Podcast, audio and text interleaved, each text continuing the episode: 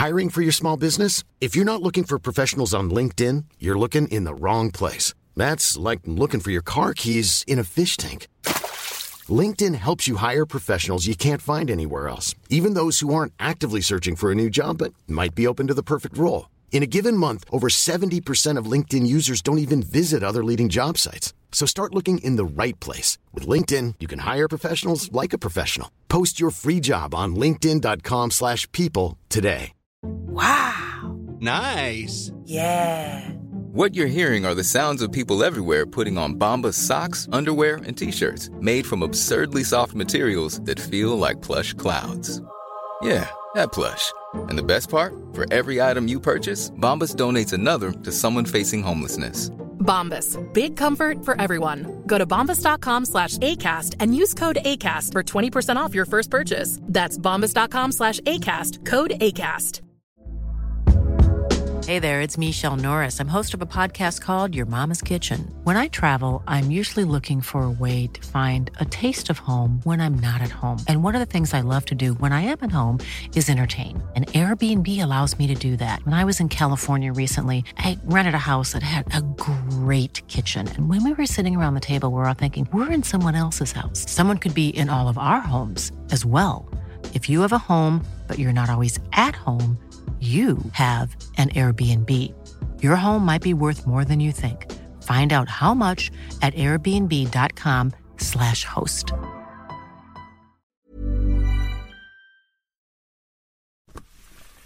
Eh, Åge Hareide. Jeg har nettopp eh, sett eh, Rosenborg-Tromsø på adressa nå, og eh, det ser ut som gutta savner meg, og eh, ja, for det ligner mye på det som vi drev på med i fjor, og eh, det er som de sier borti England, det at eh, never change a winning team, og eh, det blir litt dumt, da, så det er vel bare én ting å si om det, og eh, det er vel eh, god bedring. Oi, oi, oi, oi, oi! Vegard Heggen skårer! Og Rosenborg leder et nydelig angrep! Et nydelig angrep! Til bakken og Vegard Heggen her. Det synet! Se det vakre synet!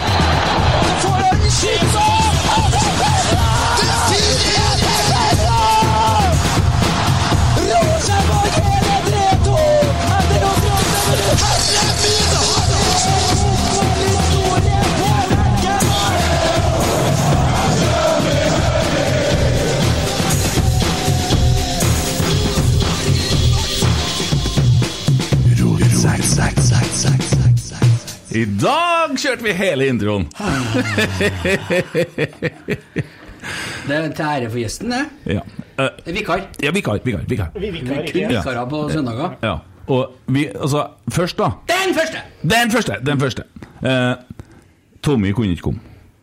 Og så tenkte jeg Tommy, ja. Men Espen Viken, du mangler jo en fot. Så hvis du tar av deg protesen og står på den foten, så er du akkurat like lang som en Tommy. Vet du, fordi du nå er rotsekken her, så gir du alle andre små stoler. Ja. Så dette ordner seg uten at vi gjør noe remedier med foten.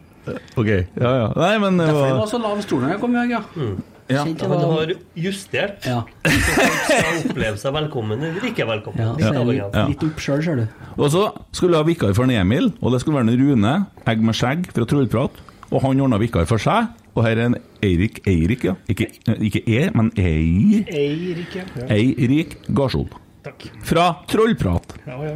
Den beste- podkasten. Supporterkoordinator og eh, Ja, det er mye annet. UN-medlem. Ja, medlem i UN, medlem i TIFO-gruppa. Har vært i styret for 100 år siden. Uh, ja. Ja. Og så har det jo vært Det vi gjør først nå, at vi snakker om fotballkampen, men litt sånn om det som kommer. Det har jo vært mye troll, og eh, nettrollungene er i gang for fullt om eh, trollprat og rotsekk og greier og greier. Så dette er jo kult å ta en pod sammen nå. Eh, så ser vi nå, kan vi kanskje krangle litt, mulig det blir slåssing, kanskje det blir drap. Vi har ikke på oss sølvhatter. Jeg tenkte jeg skulle lage noen sånne foliehatter å ta med. Ja, Sånn vi- så jeg bare følte meg hjemme, liksom. Ja, Vi, vi snakka jo med, med Rune Bratseth. Det har jo vært så jævlig artig å ordne sølvhatt og satt på han vi tok det bildet på slutten. Men jeg turte ikke, men han hadde kommet til å gjort det. Det er jeg sikker på. Eh, Men det ble nå ikke sånn. Men øh, Vi har spilt kamp i dag mot Tromsø. Ja, det har vi. Ja.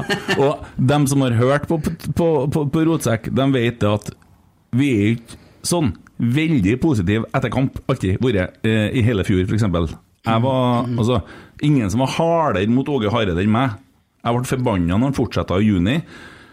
Men så har jeg tenkt at presisen Det var to som var hardere enn deg, bare så det er nevnt. Ja, jo, jo. ta navnene på slutten av podden. To som var hardere enn meg. Ja, mot Norge. Ja, sånn, ja. ja, ja. Jeg tenkte litt sånn eh, Hånda I går vet du, så var jeg på Britannia og spiste middag, så for jeg gikk med håndvesk og venta på kona. da For jeg gikk med håndvesken i gangen der, så Har du håndvesk? Jepp, sa jeg. Hen, sa jeg. Eller om du vil! Eller om du vil! Det var tolv som var hardere enn deg. Så sier jeg Kall meg bare Hent Aune, du! så fant jeg at jeg skal ha den veska en stund, så det hadde jeg. Nei, men øh, Og det, det her, her nå, nå blir jeg Jeg satt hjemme og gruvde meg til å fære hit. For at det, det, det er tungt, og det er greit, det er treningskamp og sånne ting, men det, det Hva faen er det med meg?! Hva faen?! Ah! Jeg kjenner at det begynner å bygge seg opp noe greier her nå, ja. Det gjør det. Ser ut som et lass med hodeløse høns som ikke har begrep om hva vi skal gjøre for noe. Ja, rett og slett. Det, det har ikke kommet mye lenger enn den første treningskampen, nei. Syns ikke det. Nei, det her var som å se Ranheim igjen, da. Det var jo bare vondt. Ja, for det, det ser ikke ut som vi har trent på noe som helst i to måneder. Nei, det gjør ikke det. Hvordan vi skal, hvordan vi skal gjøre det i Bodø om to uker, det skjønner ikke jeg. Det var noen som foreslo eh, at hvis du går på walkoveren, så er det bare 0-3. Eh, det skal i hvert fall opp på bordet, kjenner jeg. Men, men altså, og jeg, jeg har jo sånn Jeg blir Jeg, jeg har jo alltid sånn at jeg, jeg tror at vi vinner. Hver gang jeg skal se Rosenborg, jeg gleder meg, jeg tror vi skal vinne, og så blir jeg så skuffa og lei meg. I stedet satt jeg hjemme sammen med verdens fineste kone, sant? og så må jeg dra hit og sitte i lag med dere stygge kallene der og snakke om de greiene der. Det er jo ikke noe artig, det. Hvordan skal vi løse dette her, og så klare å ende ute i enden på denne episoden med at vi gleder oss til neste kamp? Hvordan i Men det går av seg sjøl. Det gjør det. Du sier akkurat det.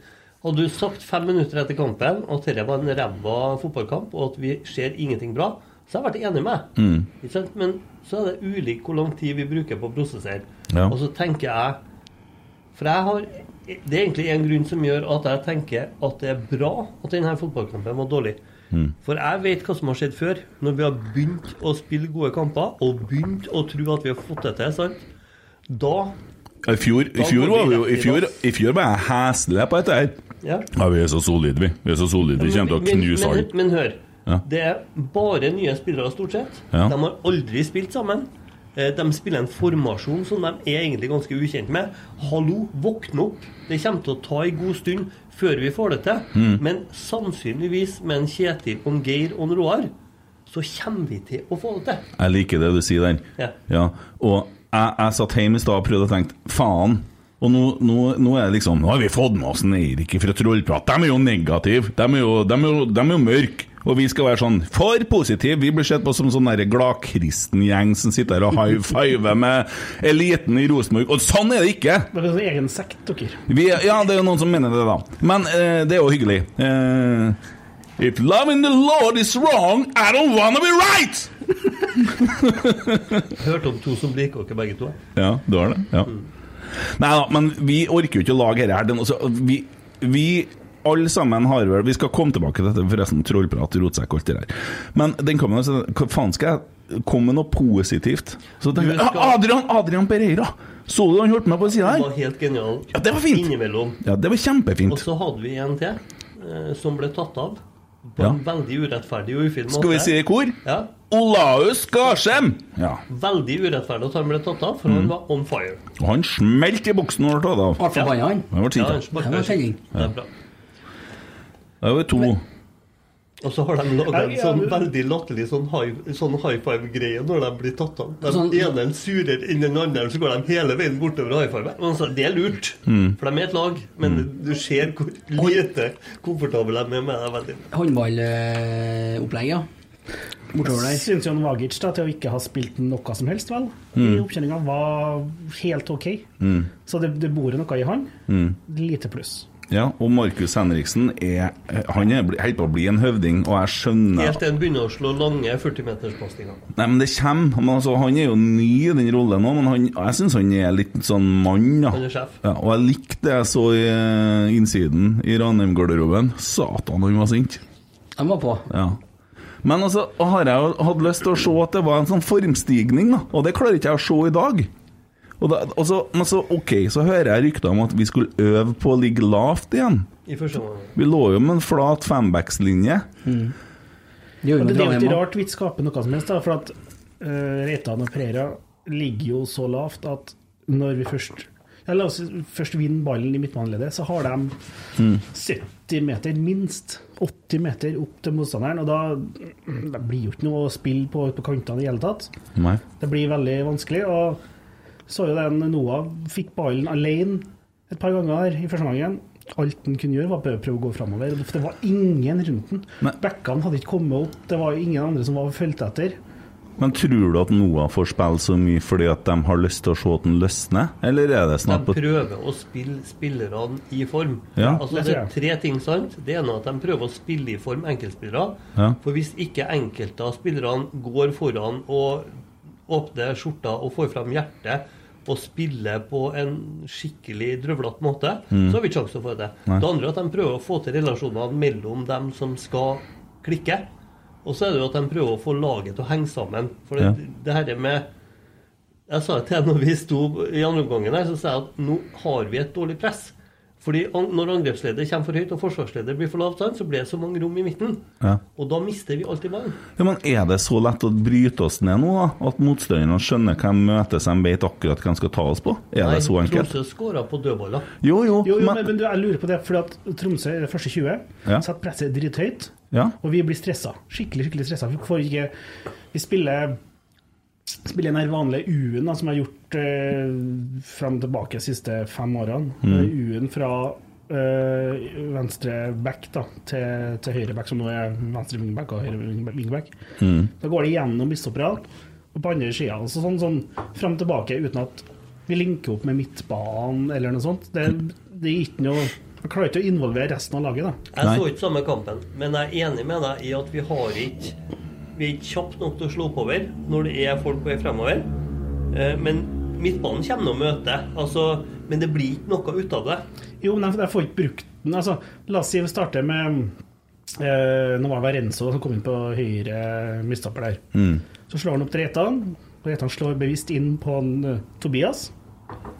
Da kan Tobias egentlig kun rettvende seg og orientere seg rettvende seg. Det som ender med at han snur seg bakover igjen, sender den til Henriksen, som sender videre i- fortsatt i den U-en, altså via eh, Vagic Mm.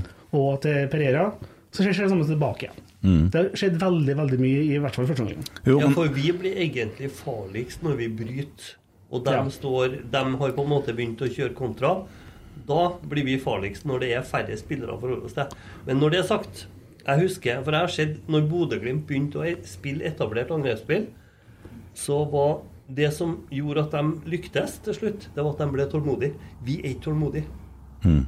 Og vi er litt av skylda til. Vi som sitter her og sutrer, Ja. vi er litt av skylda litt på av- at de ikke klarer å være tålmodige. For hvis du skal ha sjanse til å spille etablert angrep og etablert forsvar, da må du holde ballen helt til åpninga kommer. Du Ja. kan ikke ønske ei åpning. Den må være der. jeg tror det. Og at det var et av ankepunktene mine som jeg skulle komme til i dag. For vi har snakka om at når vi får en ny trener, så må vi gi han tid. Det har gått to måneder.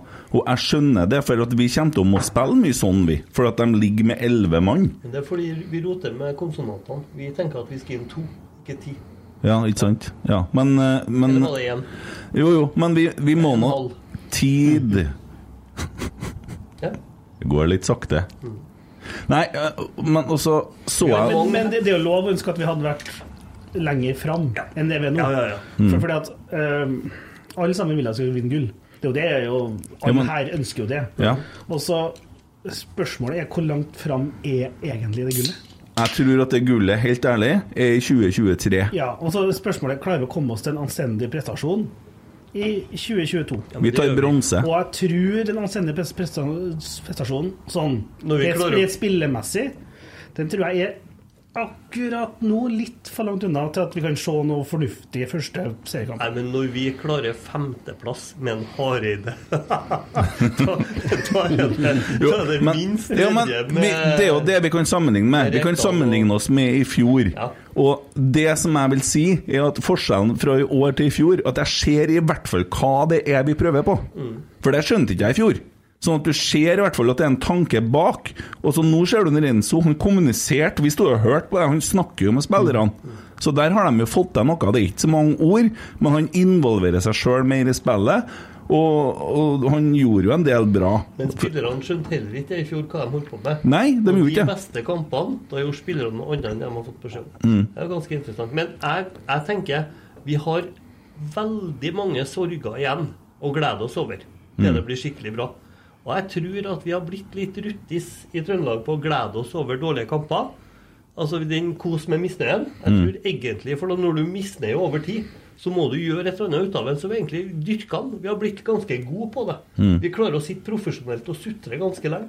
Og alle sammen kan henge seg på, så vi klarer egentlig å lage et sånn godt Jo, vi, vi i Rotsak har lov å sutre, vi også, når vi har tapt kamper. Er? Ja, hver jævla gang så sutrer vi.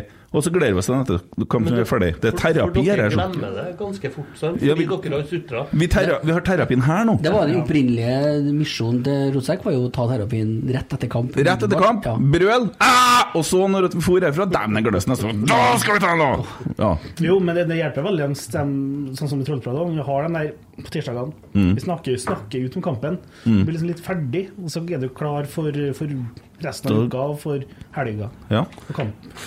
Jo, og, det er jo sånn, vi vil jo vinne. Vi vil jo vinne, vi òg. Det er jo ikke sånn at vi er, sitter her og er stein hakke tullete, men jeg tror, jeg, tror ikke, jeg tror ikke at jeg veit bedre enn Kjetil og Roar og Geir. Skal du spille Fifa, da? Nei, eh, ikke sånn. Jeg vet ikke hva jeg holder på med, derfor er sikkert en Tommy klarer å slå meg. Men jeg, jeg er så glad i Rosenborg, og jeg, først og fremst så vil jeg at vi skal ha en full stadion, og vi skal heie på laget, for vi, må, vi kan jo bidra med noe. Og så må vi tåle dritkamper, fordi at vi har blitt så bortskjemt i Trøndelag, tror jeg. Jeg sitter ikke nå og bestemmer hva andre skal gjøre, eller oppdrar andre supportere. Nei. Men det er klart at når folk går og føler at de fortjener det, uten at vi faktisk fortjener det Vi fortjente jo ikke å vinne kampen i dag. Men jeg kan jo være glad i laget for det. Sant? Men har, har spilt ganske mange dårlige kamper de siste tre årene. Da. Men når du så, så, så det er jo det er lov til å mene at nå bør vi kunne klare å få til det her igjen. Ja. Men da, da Men når du kjører en buss ned fra Kolvereid Ja. med RBK-supportere til hver kamp Ja. Jeg mener, de har lov å, å, å kreve det. Mm. Men eh, for, altså RBK-supportere som har slutta å kjøpe sesongkort, som kanskje ikke gjør jobben sjøl, da. Mm. Da tenker jeg da har man mindre rett til, til å forlange det. For at vi står jo og synger eh, til, Dov, til Olav eh, hva, er vi synger? Eh, Husker ikke om det er Re- regn og snø og blæs og Til Dovrefall og alt det der. Ja, ikke sant? Altså, vi står jo og synger det, og så synger vi at vi fyller opp alle bilene om det milene. Altså, vi synger jo som vi ønsker å være. Men så må jo jeg konkludere med at vi er jo ikke der, vi heller. Og så har jo vi, eneste vi har gjort i kjernen, er at vi har sittet og venta på at den energien skulle komme inn som vi håpet at Norge skulle klare å dra på med, men så var dessverre han gått av med pensjon. Mm. Sju måneder, åtte måneder før tida. Ja. Så vi har egentlig venta på denne energien. Men jeg, på en måte syns jo jeg i hjertet mitt at dette er synd. fordi at jeg hadde jo skulle ønske at det var fullt på Lerkendal hele tida. Mm. Sjøl om vi taper. Ja. Eh, Men jeg, jeg har jo òg skjønt at når folk har det vondt eh, fordi at laget deres ikke får til det man forventer, så skjønner jeg jo at folk velger å ikke gå. Men jeg skulle jo ønske, for i, i mitt hode så er jo en fotballsupporter det er jo en som ikke bytter drakt. Du bytter kone, du bytter bil, du bytter bikkje, du bytter altså du bytter en del ting i livet men Mm. du bytter ikke lag. Og så er du her, selv om det ikke er en eh, Champions League-periode fra 90-tallet. Så jeg tror at vi må òg se i oss sjøl. Og ikke bare kjeft på spillerne som ikke klarer å gjøre det vi vil. Nei, 100 Fordi det er ikke en fjernkontroll, og det er ikke en streamingtjeneste vi har på en måte betalt for. Nei. Og så er det liksom Rosenborg, da, sånn som, sånn som jeg ser det. Jeg snakka med noen uh, i går kveld i forhold til som er fra Kristiansand, som ikke ser fotball engang. Men jeg håper jeg forklarte hva Rosenborg er, da. Og så forklarte jeg litt om dette gatelaget og det jeg så eh, de dagene der. For at uh, i forhold til det, det jeg så etter kampen, blant annet. Uh, og alle historiene som jeg har hørt de siste månedene, når vi har vært så heldige og fått lov til å drive med den gaven som vi har blitt gitt Nei, jeg skal ikke Halleluja! ja, det, ja, det var noe som skrev om å gi oss en gave her, at vi fikk lov å holde på her. Men eh, eh, også at vi Rosenborg er jo så mye mer, men så kommer vi jo til dette selve spillet, og så har vi jo så jævlig lyst da, til at det skal bli bedre enn hva det er nå. Og det har jo vært mye negativitet siden 2018. Så kan vi spørre oss har det fungert å være så negativ. Nei! Det har jo ikke. Jo, for noen har det jo funka. Ja, Det har funka for dem, kanskje, men det har ikke funka for klubben. For den har ikke blitt noe bedre. Det er jo færre folk nå enn hva det var i 2018. Det forsvant 5000 tilskuere når eh, Kåre øh, fikk sparken. Men det har jo fortsatt å forsvinne tilskuere. Og så kom korona, men nå skal vi jo ha folk tilbake på tribunen. Og det er klart, Rosenborg i dag gjør jo ingenting for å selge sesongkort med det spillet der. Men det er da så mye annet. Og så må vi skjønne at vi kan jo bidra med å kjøpe oss et sesongkort med å møte opp. Men jeg tror Kjetil og, og Geir og Roar gjør, og spillerne gjør det eneste de kan. Nemlig å øve og øve og øve på å få det til. Mm. Og de, de sa jo det at for dem handler det om at hver trening skal bli bedre og bedre. Mm. Og så er det jo klart at vi gjerne da, med innsida med alt, vi skulle gjerne sett at det gikk fortere. Men jeg tror jo vi òg faktisk er nødt til å øve oss på å være bedre. Eh, Hvis det er sånn at vi vil at Rosenborg skal bli stor igjen. Ja, men, Hvis det er sånn at vi har trua på at Lerkendal skal være et ålreit sted å gå og se fotball de neste 5-10-15-20 årene, så må vi jo faktisk være med på det. ja, Men, da, det, det kommer til å koste. Men det det hjelper ikke det hjelper ikke å kjefte på supporterne heller, for er det én ting jeg har lært den siste uka, Ja. Så er det at folk kan være frekk og hårsår samtidig. Men det er lov. og det, det er en jævlig dårlig Hvis egenskap. du, hvis du tar med deg det en Kjetil sier Ja. for Han syns jeg sier det på en fin måte. Han sier at om dere piper når vi har spilt en ræva kamp, så skiter jeg i det. Altså, For det må jeg tåle. Og det må spillerne tåle. Men dere må være der, sin. Sant? Dere kan ikke la være å komme. Dere kan sitte hjemme i godstolen og se noe annet, se TV-stedet. Dere må komme på Mm. kamp. Men ta gjerne og bu vær, altså si ifra når det er ting som ikke er bra, for det trenger vi å høre, sier han. Og det, jeg liker å høre det, for at jeg tenker at det er sånn det må være. For det må de jammen meg tåle altså, når de har levert under pari.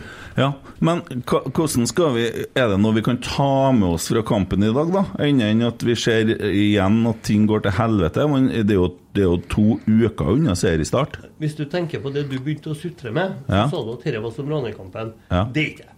Fordi at det var mange av spillerne, eller det var en del av spillerne, som presterte langt utafor det de gjorde i Ranheim-kampen. Ja. Så på enkeltspillernivå Ja. så var det en forbedring på Ranheim-kampen. Ok, men da tar vi spiller for spiller i dag. Da tar vi det. André Hansen, han ropa mer nå enn før. Han var på Løkberg-nivå i dag. Ja, dæven. Henriksen ble, ble grina opp før, ja. Det var, det var mye verbale eh, utspark der før i dag. hen har fått en Løkberg på samme laget som André Hansen, da. Men han leverte jo. Men han er litt sein til å sette i gang. Er det planen det at han skal roe ned hver gang? Hvis du Tydeligvis. hører For det, er kuka, så kuker han jo det. Ha ballen i laget, finne roa. det er tydeligvis en plan vi skal slå langt fra femmeter hele tida. Så um, Vi har jo muligheten til noe brudd der noen gang, mener jeg. Og jeg mener kanskje at Faye er bedre på det. Ja, men da kommer de som sier at 'å nei, Faye er så jævla lav, han kan ikke være en god keeper'. Ja, jeg har jo helst foretrekt å se Faye Lund i mål, jeg. Ja, det er jo Ja. Hvis vi går til ekspertisen, da, de som virkelig har greie på det, så sier jo Rekdal at de fortsatt stiller ganske jevnt. Ja. Og det tror jeg vi faktisk må tro på. Ja, ja jeg gjør det. Jeg må bare hjem og spille Fifa. Ja, men, nei, men du må tåle nå, Espen Viken, at jeg baserer noen ting på følelsene mine her. Og at jeg har fått litt mer følelser for en ung kar som eh, sitter på benken i dag. Bare, bare det at du har fått følelser for en ung kar, kjenner Ja. jeg er litt slitsomt å forholde meg til, men eh, Ja. Det var noe jeg ble jo mer trygg, da. eh, under. sånn. Nei, men jeg tenker at han drar hvis ikke vi bruker han. Og Ja, ja. André han drar ikke hvis vi ikke bruker han. Han er setter seg på benken og er tåler å jobbe og skal jobbe som advokat og tåler det. Jo, jo, men det, det er akkurat det. For hvis, hvis vi ikke bruker en uh, Julian, Mm. så han, og da må vi ut på en ny jakt for å finne noen sånn Mm. som kan fungere. Og så kommer vi helt sikkert i samme vaset igjen. Vi kan tåle å sette André på benken, i hvert fall i starten nå, Mm. og så se hvordan det Jeg òg deler den tanken. Uh, men så har Faye kanskje vært litt mer utrygg i feltarbeid kontra Kan-André Hansen er, men jeg tror de stiller ganske likt, altså. Jeg tror de stiller ganske likt, men jeg tror Kjetil er en gammel ruttis ringrev. Og det siste han ønsker, er at uh, den unge keeperen fyker av gårde. For at vi skal satse på den andre. Med mindre er det ting vi ikke ser og vet, Mm. som gjør at Hansen blir et soleklart førstevalg.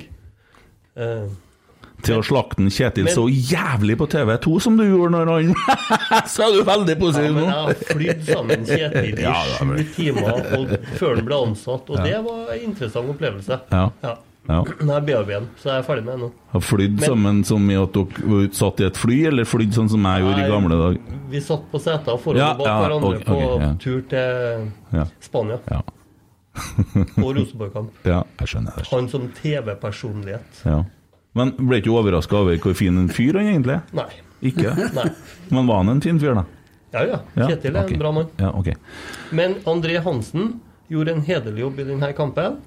Eh, Sjøl om han kunne tatt i hvert fall ett av de to målene som er slappet inn, Mm. så er ikke hans mål. Nei. Han går men, vel men kan vi snakke litt om det andre målet?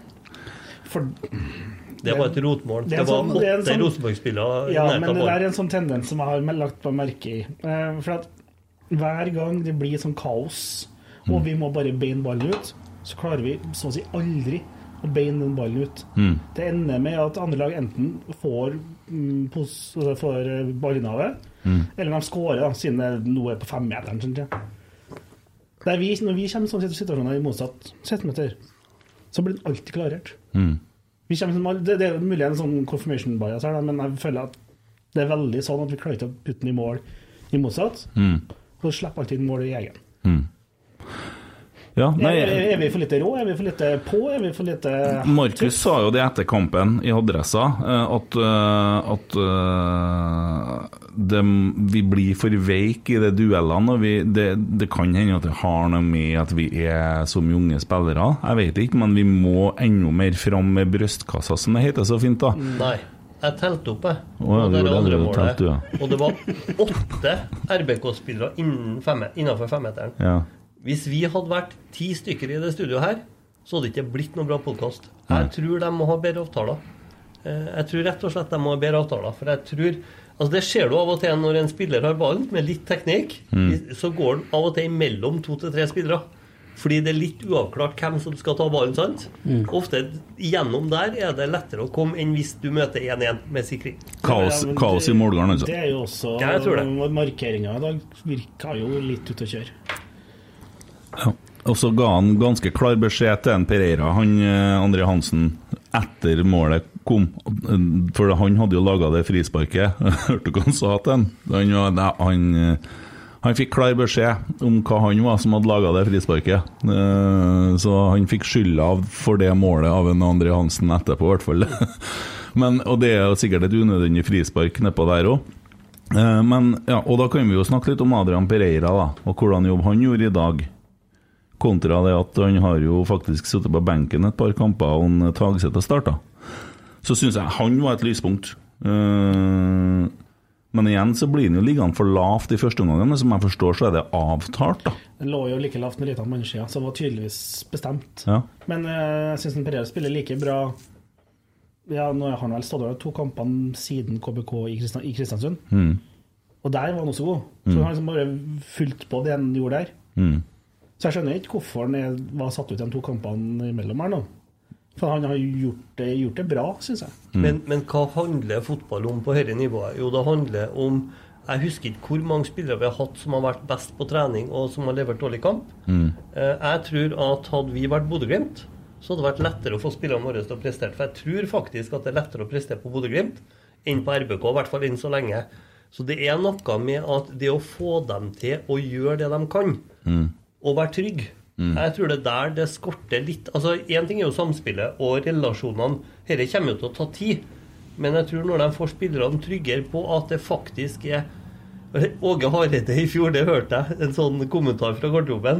Åge hadde fått beskjed om å si at nå skal vi gå ut offensivt og presse, sant? og så sier han jo nå skal vi gå ut offensivt og presse, og så og, og vær forsiktig bakover.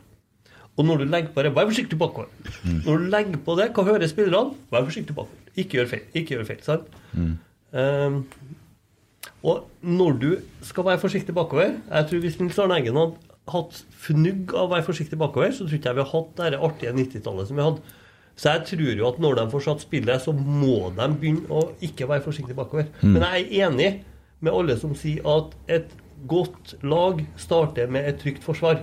Du, Ja. du må klare å unngå at de andre putter alle målene. Det skjønte Nils Arne òg, og derfor henta han en Bjørn. Vi må være trygge bakover. Vi er nok fortsatt der vi jobber med å være trygge bakover, men vi er mye bedre i dag enn hva vi var mot Ranheim. Ja, greit. Da var Eh, vi latterlig bakover. Kjem ikke til å ringe deg hvis vi skal ha en Åge-parodi noen gang. Det var, det var, det var, Men det er greit. det var Det tar, det, det var dårlig, altså. Men det tar jeg som en Ja, ja. Jeg, har to av ti, jeg. Du får én av ti. Ja, dere var, dere var, dere var tynt. Ja. Uh, Markus, han syns jeg leverer. Ja, men så det er ikke sånn over the top heller. Han er jevnt god. Men sånn Jeg liker utviklinga hans, da. Ja, ja. Altså, jeg liker å se altså, jeg, jeg, kan, han, kan jeg si han er minst dårlig i dag, da?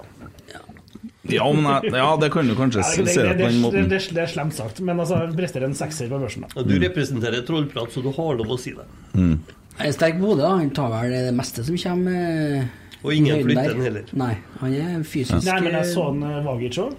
Tok, Ja, ja, ja, ja. tok klarerte hun en del på hodet. Ja, han virka ganske, ganske trygg, han. Og imponerer egentlig etter å ha vært så lenge ut. Eh, det som skjer med Sam Rogers der, det mener du var en sånn liten muskelsak? det. ja. Er det sagt noe om det, eller? Jo, eh, det var sak at det var en strekksak.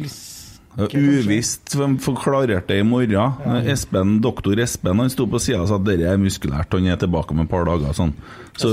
Ja, vi forholder oss til doktor. Espen Viken. Uh, så Men, men jeg håper jo det, for jeg, mener jo at kanskje de tre beste bak vil være Vagic, Henriksen, Rogers. Ja, det er mulig. Men jeg, ja, men så kommer jo da han eh, eh, Renzo innpå, da. Jeg skulle prøve meg på det, men jeg ombestemte meg i farta, hørte jeg. Sånn, eh, og, og han jo leverer jo bra. Han har en god pasningsfot. Og han, jeg tror han har et klokt uh, fotballhode, men jeg tror at det er kommunikasjon fortsatt litt utfordrende. Men det er bedre. Altså, Se for deg, du skulle ha dratt ned til Argentina og hatt podkast. Det hadde gått ja, det, så som så, det òg. det, er ikke, det har jo blitt veldig vanskelig. Men eh, det, er- så fotball er lettere, da. For vi har jo bare språk, men de snakker jo med fotene. Men de kommuniserer, han kommuniserte jo mer i dag enn hva vi har sett før. Han roper jo etter ballen, og han leverer ballen ganske bra. Men eh, noen situasjoner der han er kanskje litt dårlig plassert og sånn. Han sier jo til meg 'Alarm! Alarm!' Mm. Det tenker jeg det, er- det er nivå på. Ja. Ja. det alarm eller Erlend, det får vi la henge. ja. Ja. Jeg Men- minner men- meg om tyskerne i Das Boot når de sank. Nå syns jeg Trollprat skal invitere en Kent til neste episode. Tyskerne i Das Boot. Det hørtes sånn ut. Alarm! Men jeg sto jo på ene hjørnet der, i første gangen også kampen, og det, når vi ligger fem bak, det virker som at de alltid er en mer på sida der. På, som inviterer en ekstra. og det kommer Tromsø, ja. alltid en overlapp. Ja. Det er alltid en å spille på. Men de, jeg tror de Jeg vet ikke hva jeg skal forklare det, men jeg syns de jeg tror de sneik seg imellom, rett og slett. For jeg, som, som du nevnte, Espen, jeg tror ikke avtalene mellom spillerne og rollene var godt nok avklart. Ja, men- sånn, sånn at hvem tar den mannen her som går på løp? Det bedra seg første gangen, for at uh, Vagic plukka opp en del sånne løp som, uh, som første 20 kom rett gjennom. De plukka han opp mot slutten av omgangen, så at det tetta igjen det. da. Men uh, jeg tror først start så var det kanskje litt sånn shaky der. Ja. Og husk på, i tillegg til at de skal se alle bevegelsene og lese spillet, så skal de òg være i et spill de ikke er vant til å være i.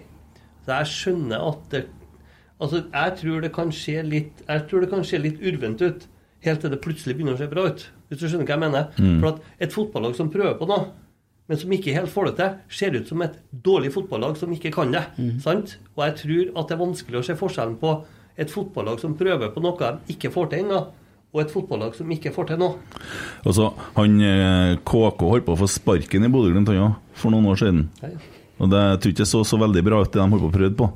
Når det først satt, så ble det sikkert greit. Men vi har lovt å ikke snakke så mye om det der eh, skitlaget der i dag, for jeg orker bare ikke det der. De, de ligger under nå. Gjør de det? Hva de holder på med nå, da? Cup. Å ja. Åh! Gjør de det?! Nei, nei, nei! 1-1 nå. Faen. Nei, faen! Imot! Lillestrøm. Nei, samme jo Nei, kjøpt og betalt. Får de flytta nå til de kampene nå? Vi- Nei, vi- hvis vi går dem, går dem. Ja, vi, vi må, her må vi ta. Ja. Går, de, går de videre nå, så er det jo midt oppi alt. Det er midt oppi alt, synes jeg. Og da må de spille 1000 kamper i uka, da. Ja, de fortjener, de fortjener ikke å gå videre i cupen. Men de får jo Rosenborg nå, midt i europakampene sine. Ja. Ja. De får det lagt inn som en kjempepasselig treningskamp i midt i en runde, og det ønsker de seg. Spørsmålet var vel om de skulle flytte eh, Der, vet du, nå ordner en- kampen mot Sandefjord. Eide Eriksen ordner altså opp her nå, så vi har faktisk skjerm her. Storskjerm. Ja. Stort.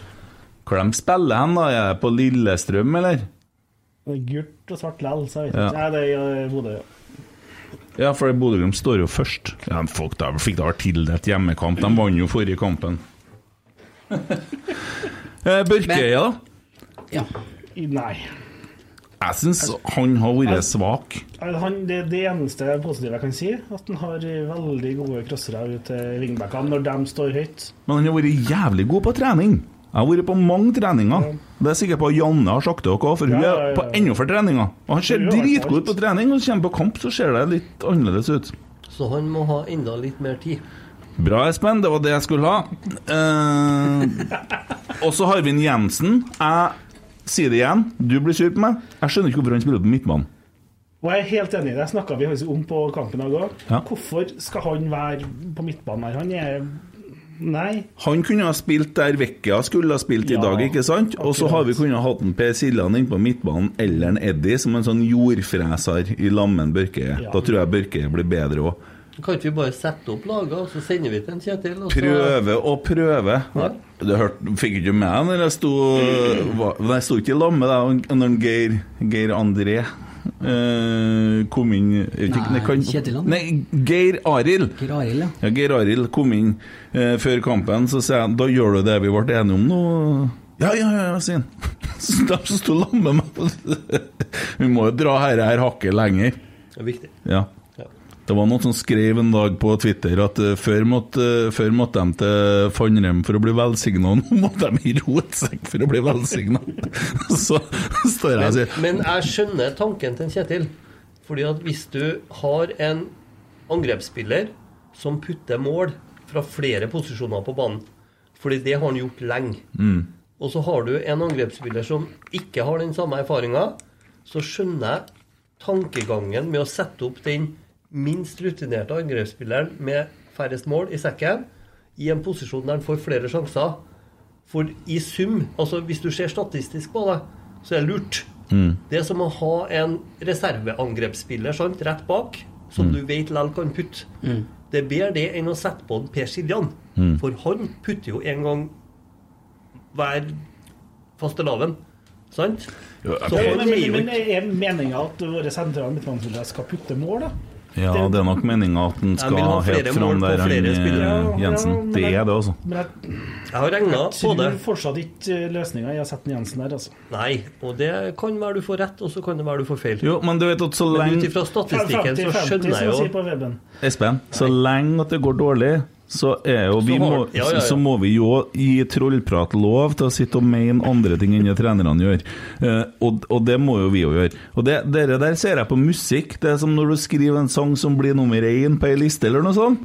Så er det ingen som kan komme og si til deg etterpå Du burde ha gjort mer sånn, vet du. Nei! Jeg burde ikke! Jeg vant! Jeg vant! Men tenk, Burde ha gjort det akkurat Tenk, tenk hva du kunne ha vunnet hvis du hadde gjort det litt annerledes. Ja, Det er det beste jeg vet, når folk som ikke kan å lage sanger, kommer og forteller meg hvordan jeg skal lage sanger. Det er nydelig. Men det tror jeg Jeg, jeg syns Erik Hamrén hadde en genial kommentar til en Mini Jacobsen på et eh, medlemsmøte vi var på. Ja. For da hadde Mini noen kommentarer til hvordan Hamrén brukte spillerne. Mm. Og så sa jeg ja, men kan vi ikke eh, Nei, jeg skal ikke Oi! Jo, jo, jo, jo. Ikke prøv meg på noe greier! Ja. Men eh, i hvert fall han mente at han måtte flytte opp de to der, og så få ned han der, og så gjøre sånn. Ja. Og da bare lente han Hamren seg tilbake i stolen, og så vippa han med de krokodilleskinnsstøvlettene som han forrige gikk i, og så sa han Mini. Når du blir gammel nok, tar deg utdanning og får deg ditt eget lag, så kan du prøve på akkurat det der, sa han.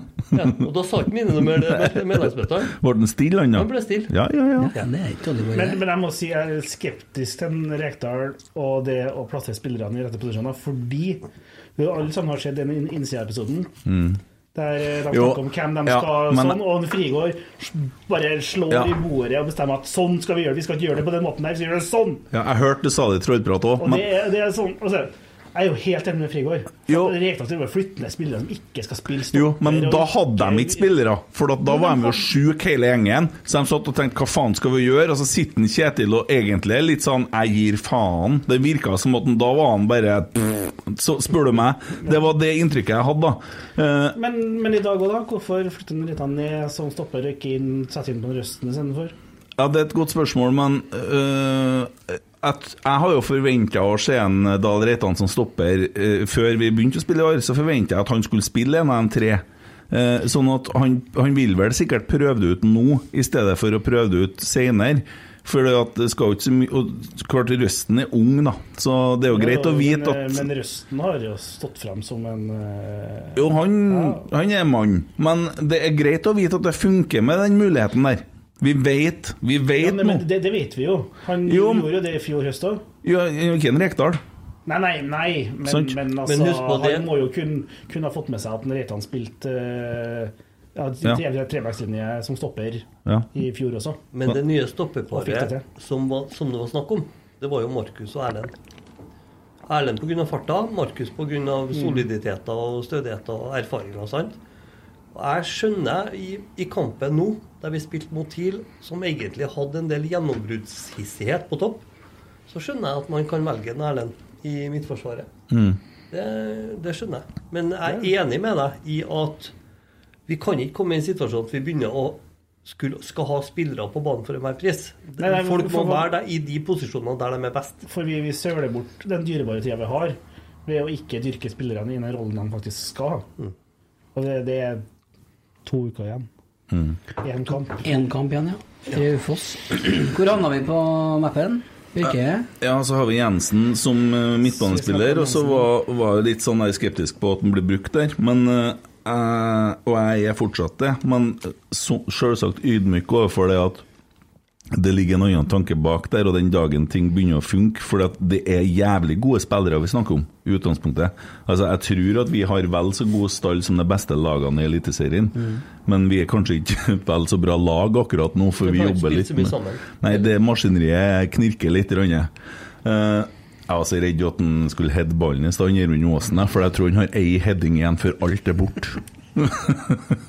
da er jeg, da er jeg, da er jeg Kåre vill nok etterpå, ass. Men? Altså, det- Nei, det han driver og henter, så. Men eh, Nei, og så har vi jo Noah Holm, da, eh, som jeg, jeg synes at Ole Sæter skal få muligheten. Altså, det er greit Noah Holm skal spilles i form og og sånne ting, men jeg synes at det en Ole Sæter viser for KBK da, mot Rosenborg da, da, da er jo selvsagt Da er han igjen, som vi snakka om på kampen i Erik, at han kommer, han kommer jo på noe mer løp, han er litt Ja, mer i et ja, ja. Mm. Men det hadde han jo fått muligheten til å vært i dag òg, for vi hadde jo muligheten på kontringa, for vi lå så lavt. Det, det er det sjuke, men, men sånn som i dag, så viser jo noe hvor stedet kan være som oppspils, oppspills, oppspillspunkt. Ja. Han tar med noen baller og distribuerer ut på kantene eh, til altså, når vi kom i gang i kampen. Da. Mm. Distribuerer til noen wingbacker som kommer på løp, faktisk. Mm. Så Noah har ikke bedre dag enn han har vært, men Sæter burde ha fått starta en kamp. Jeg syns det. Istedenfor å komme inn i og få siste halvtime eller sånn, for da De treningskampene blir jo sånn oppbrutt, for det byttes inn ti stykker, og så oi. Ja. Ingen som vil Jeg hadde vært enig med dere hvis ikke en Ole hadde vært så god når han kom innpå i dag. Mm. Men ettersom en Ole klarer å være så god når han kommer innpå, så tenker jeg da har vi faktisk råd til å prøve å spille noe opp et hakk. Jo, For noe vet òg altså- det at hvis det er sånn som det er nå, så er det sannsynligvis noe det som starter. Men for eksempel kampen mot Haugesund, da. Der syns jeg Sæter kunne fått starta. Bare for at han får prøvd en kamp fra start. Det er noe med det òg. Hva faen? En som reiv ned en Det var et overfall inne på banen der. Og så Sjekk Espejord, da. Ah, det er så stygt. Jeg syns det er stort, det. Kommer fra Tyskland på 80-tallet. Ja, han gjør det. Ser ut som Ja. Ja. Han bor i Bodø. Han kunne ha spilt på helt det 1990 VM-laget. Han, han drar av den stien er greit, ass. Det gjør han. Ser du Anders Konradsen Det er jo vondt, vet du. Men det er jo pga. Europa. Ja, nå var det pause der. Så Ja, det var pause der, ja. ja. Hvor var vi hen? eh, Jo, Eh, Noah- plutselig i Noah- angrepet. ja. Sæter, nå Sæter. Olaus, da? Snakka vi med han? Nei, vi har ikke det. Han leverte i dag. Han var kanskje Han var tent så det virkelig susa. Ja. Så jeg, jeg, jeg syns han leverte i dag.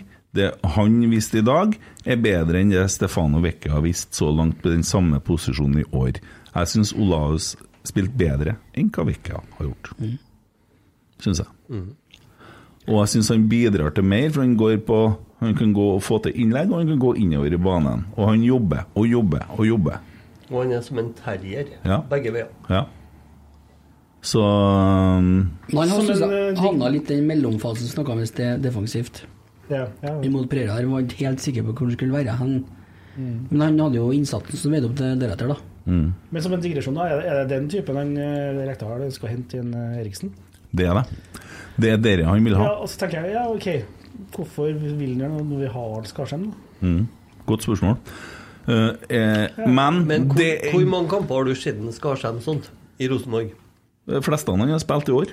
Ja, ikke sånn som i dag. Nei, I dag tror var han han- hakket hvassere. Nei, jeg syns jeg husker en del kamper i fjor, der vi sleit, der han var banens beste. Vi på en straffe, forresten. Ja, det er det jeg men, mener, ja. men, men det må jo være lov for en Rekdal å ha trua på dem en har i stallen, vi må hente inn noe nytt, da. Nei, men er det litt Altså, grann det at vi har slitt såpass mye med å få til disse 3-4-3-greia nå, at han vet at han har en eh, type lagspiller som er med å drive Du får jo en slags Løkberg-karakter der, for han er jo en motor i det Hamar-laget, og det er derfor de ikke slipper han. Og at han vet at får han han hit, så får vi en del gratis på treningene i det å jobbe med 3-4-3. Og, og, og det handler ikke bare om selve kampene, men handler om å få hele laget i gang, for vi sliter litt med å få laget i gang. Det er jo ikke noe hemmelighet, det. Vises jo. Vises. Og det er det verdt mange millioner. Egentlig så kan det hende at det er verdt ti millioner. Hvis at han er mannen som får ja, det til. Ja, ja, men da, det fordrer at du treffer på akkurat det der. Ja. Det som er så vanskelig, tenker jeg, for at trenere er jo glad i å hente tidligere spillere.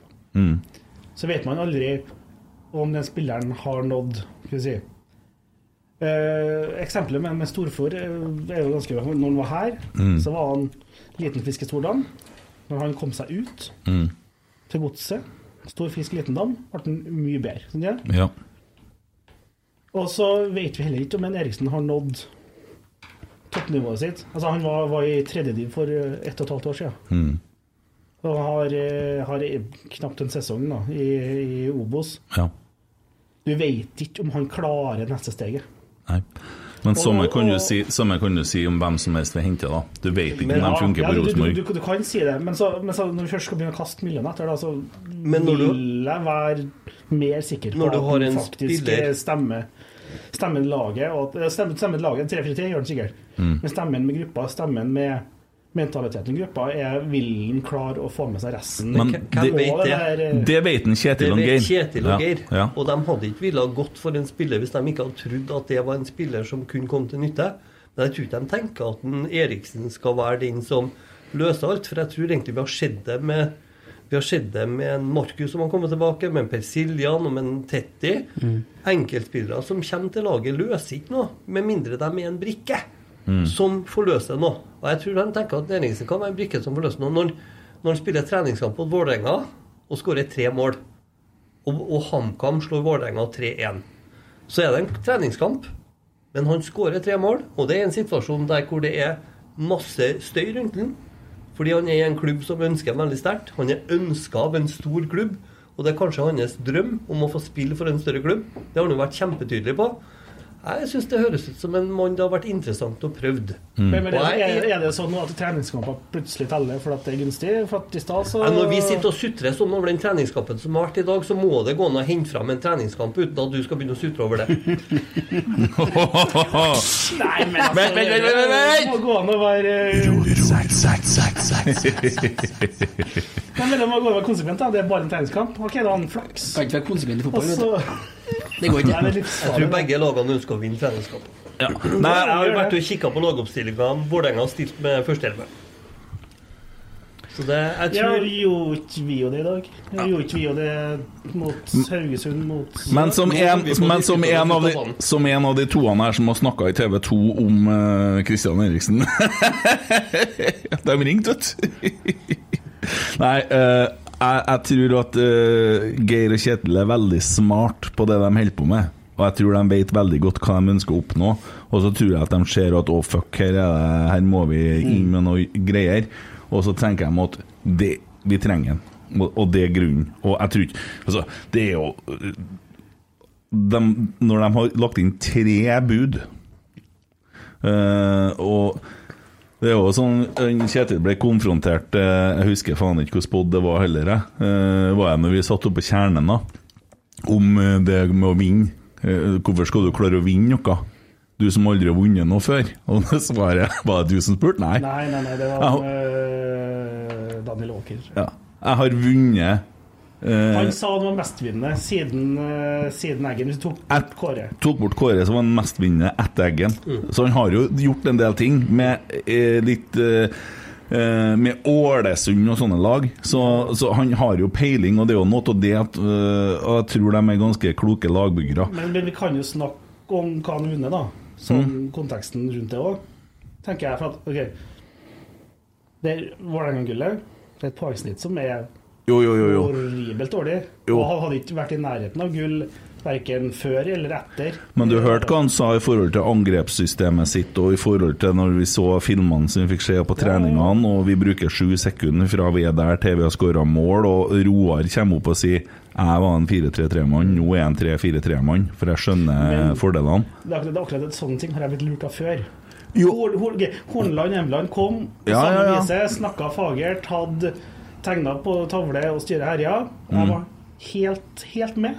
Så viste det seg at det stemte jo ikke heller. Men- Men det Og da- betyr jo da, egentlig- Da det sånn, jeg, det er sånn litt sånn brent barn Men- men da Det betyr at han ikke fikk det til. Ja. Det betyr ikke at han ikke ville det. Han Nei, fikk nei, det bare ikke til. Ja, men, men men jeg har ikke noen grunn til å tro at nå skal det løse seg. Ja, men hvis de får det til Ja, ja, hvis de får det til, så blir det bra. Jo, og- Det har ikke jeg benekta, men jeg tror ikke de får det til. Nei, og, sant, og det gjør jeg. Her, her, er jo, her er jo grunnen til konflikten. Ja, det her, det her, det, jo, Ja, her er det. det er Ja. positivt negativt. Ja, for at jeg tror at de får det til, og jeg vil at de skal få det til. Og som jeg sier, jeg er positiv til det motsatte, er bevisst. Men, men jeg mener at de siste 20 årene som Rekdal som trener, har ikke bevist at den offensive fotballen er noe han mestrer.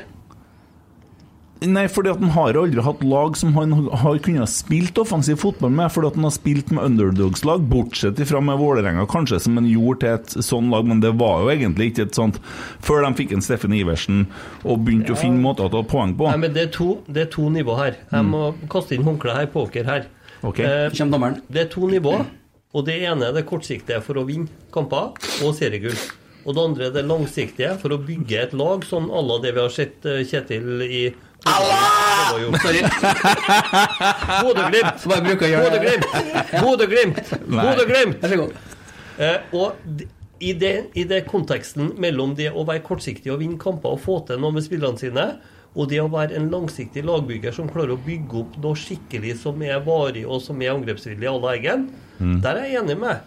Jeg er ikke sikker på at en Kjetil klarer å lage en modell for Rosenborg som vi liksom skal nyte fruktene av i 20 år. Det er ikke jeg sikker på. Men jeg er helt sikker på at han klarer å ta det laget vi har, og gjøre gjør det til et vinnerlag som skal konkurrere om seriegullet i Norge. Men jeg vet ikke om han klarer det på to måneder. For jeg vet, for jeg snakka med Kjetil, og han sier at det var nok en del ting i RBK som var annerledes enn han trodde. For han trodde han kom til en toppklubb der masse var på stell, og det tror jeg han Åge trodde òg. Ja. Åge trodde bare han skulle komme inn døra og gi noen tydelige beskjeder, og så skulle ting ordne seg. Og så var det ikke så enkelt. Nei. Men de vet hvem skal gjøre. De du vet hva hva som god. er planen. du er veldig god. Men det kommer til å ta litt tid. Ja. For det, det er ikke bare medkrefter. Jeg er helt sikker på at du tror ikke at de klarer å få det til. Jeg tror vi har ansatte i RBK som ikke tror at de klarer å få det til. Og det er ikke fordi de har noen saklige argumenter, men det er fordi at de har ikke fått det til de siste 20 årene. Og jeg tror det er en veldig, jeg tror det er en veldig negativ inngang til det å spille fotball. For jeg tror at hvis man skal ha sjanse til å få det til, så må man faktisk være villig til å ofre sjansen på at man tar feil, for å få det til. Mm. Og jeg tror det er grunnen til at Kjetil sa den dagen han kom inn, at nå må vi faktisk stå sammen bak laget. Ikke bak meg, men bak laget. Og Vi er nødt til å ta en sjanse på Kjetil om Geir om Roar.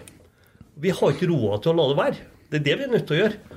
Og da betyr det at OK, Kjetil har en lang fotballkarriere. Han krasja i start. Han lyktes med HamKam. Jeg tror det at han fant en Geir Frigård, det tror jeg er en av nøklene til at dette her funka. Men noe annet tror jeg at han krasja i start, på, kanskje på en periode i livet da han kanskje var sånn som jeg opplevde ham på flyet til San Sebastian. Nå tror jeg han er en annen mann. Jo, men det er start, og det tror jeg ikke jeg har Det har litt selvfølgelig med en rektor å gjøre, men det har, tror jeg veldig mye å gjøre med Start en drøm. Jo, jo, det har det. Jeg tror det prosjektet i Start var Ja, men nå Kjetil Rekdal. Ja, ja, jo, jo, jo, men altså, litt jeg tenker da. OK, jeg skal gi, gi den at den Det var ikke nødvendigvis han som feila i Start. Det var Start som, som organisasjon, som, ja, som, Ja. som Men feilet. Kjetil har jo lagt seg flat og sa ja, jeg drev med litt gambling og sånn, men det har jeg lagt bort, for det ble jo et problem. Og det, jo, det, og, og det tok han jo ansvar for. Og han har jo stått i, foran Rosenborg-styret og fortalt om dette her, og, og på en måte det er ikke noe å ha bekymring for, da. Og det er det ikke heller. Og, og, og, og, og så er det sånn og det, det må jeg jo si i forhold til dere diskusjonene som har vært på sosiale medier, eller spesielt Twitter i det siste. Altså Når det kommer en person og setter seg i studio her, så er det noe helt annet enn når du sitter og skriver om en på et tastatur. Og vi har jo sittet med en Kjetil her alene, og vi har sittet med en Geir Frigård her alene. Eh, og mitt inntrykk av dem er at det er to skikkelig bra fyrer. Men det ville det ha vært selvsagt av en Horneland, av en Åge Hareide. Altså Åge Hareide som dere snakker om, han har jo alltid kommet til sånn ferdigsmorte klubber, han. Da han kom til Rosenborg i 2003, så var det et maskineri som nesten hadde gått til gull uten trener. Uh, og det han gjorde i Malmö òg, det var vel ganske innøvd, det han kom til. Men det han kom til hit etter Horneland, det tror jeg han fikk sjokk.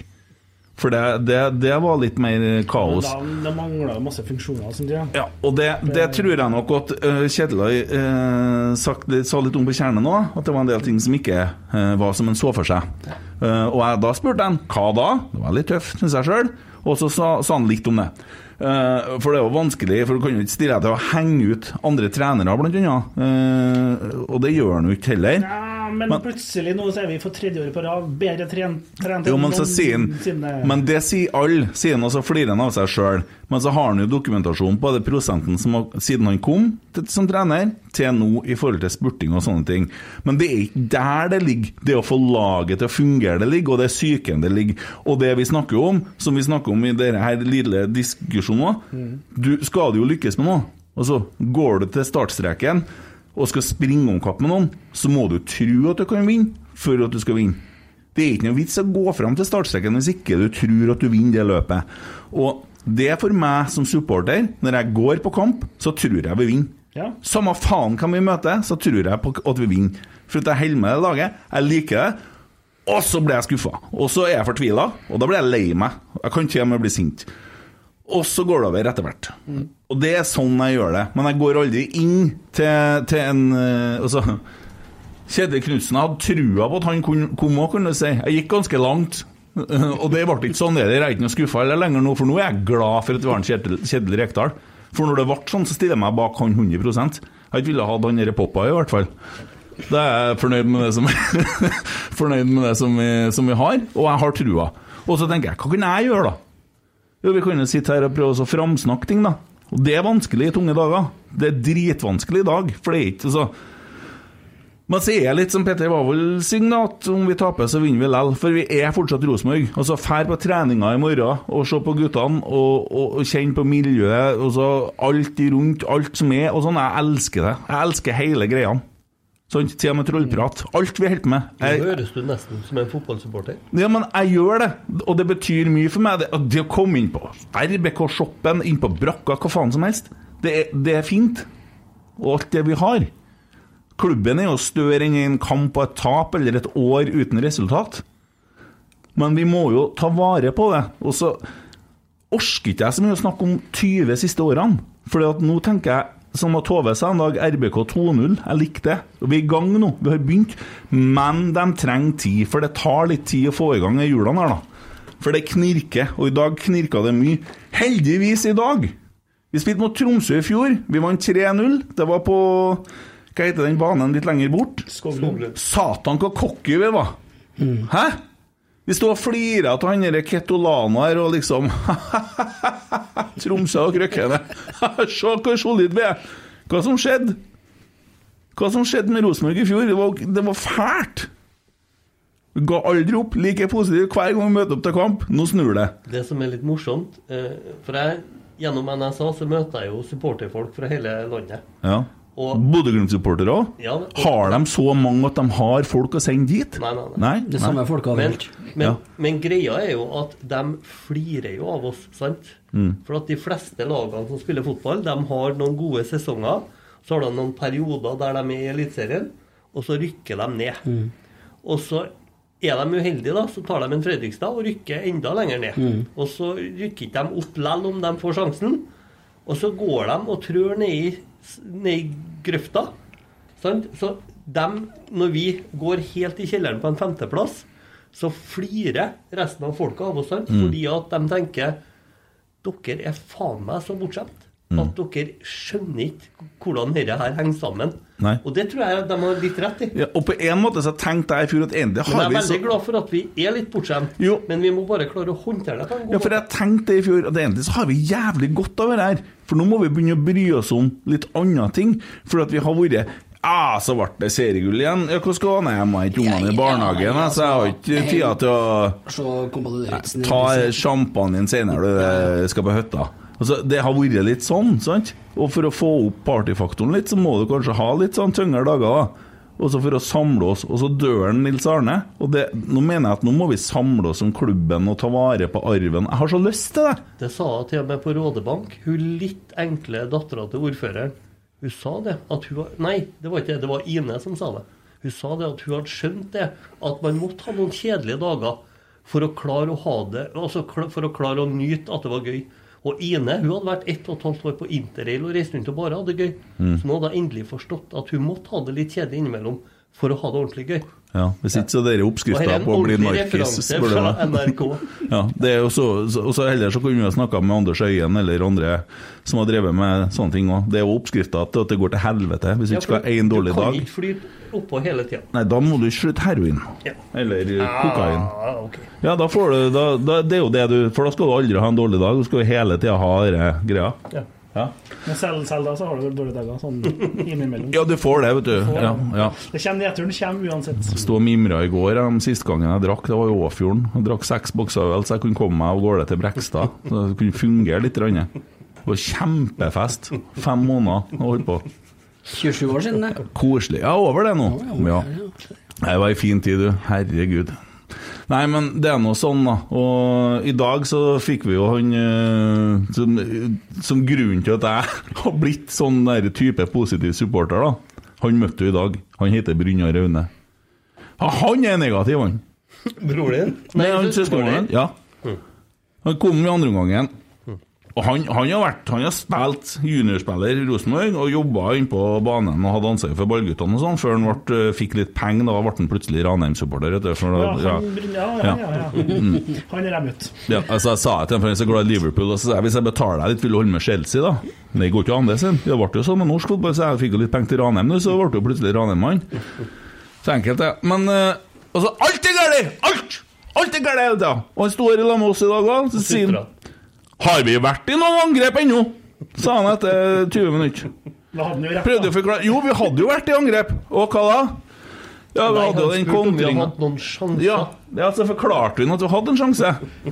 Nei, det var ikke noen sjanse. Det var ikke noen sjanse. Det, det var ikke noe Det var ikke en utrolig sjanse, i hvert fall. Nei, nei, for da og da, Nei, for det, det betyr at du skal stå på femmeteren og skyte, men keeperen skal slå den utafor. Det er en sjanse! Ja, det var sånn. Ok. Men eh, har vi ikke snakka med spillere nå? Uh, Noah, så hadde vi han Vi har ikke vært innom 11, har vi da? Vært en, ikke vært innom Holse glemte vi! Han er maskin! For meg så står dagens uh, banens beste spiller mellom Holse og uh, Olav Skarsheim.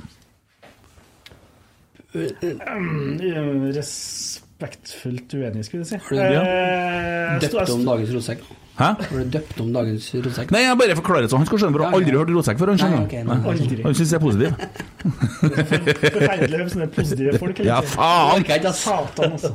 Nei, nei men, men Holse Jeg sto, eh, sto på høyresida i angrep, skulle du si, i Ja. andre gangen. Ja, ja og nei, men jeg syns han var liksom på etterskudd litt ofte. Litt sånn feil. Men det var hele laget. Ja, ja, men, jeg, men jeg, derfor er ikke jeg men hvem var, best, hvem var beste, beste spilleren, da? Skal få være dommer på dette. Hvem var banens beste spiller for Rosenborg i dag? Altså det vi kaller dagens rotsekk. Dagens rotsekk. Vent litt. Du skal, skal- du skal få bestemme deg på den tida det tar. Dagens rotsekk.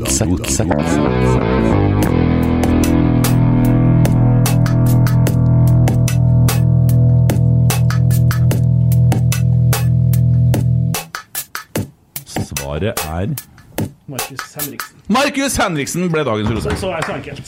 Ja, det er greit, det. Nei, for Han leverer vel bortimot feilfritt, egentlig. Ja, ja. Nei, men da er jeg enig i det.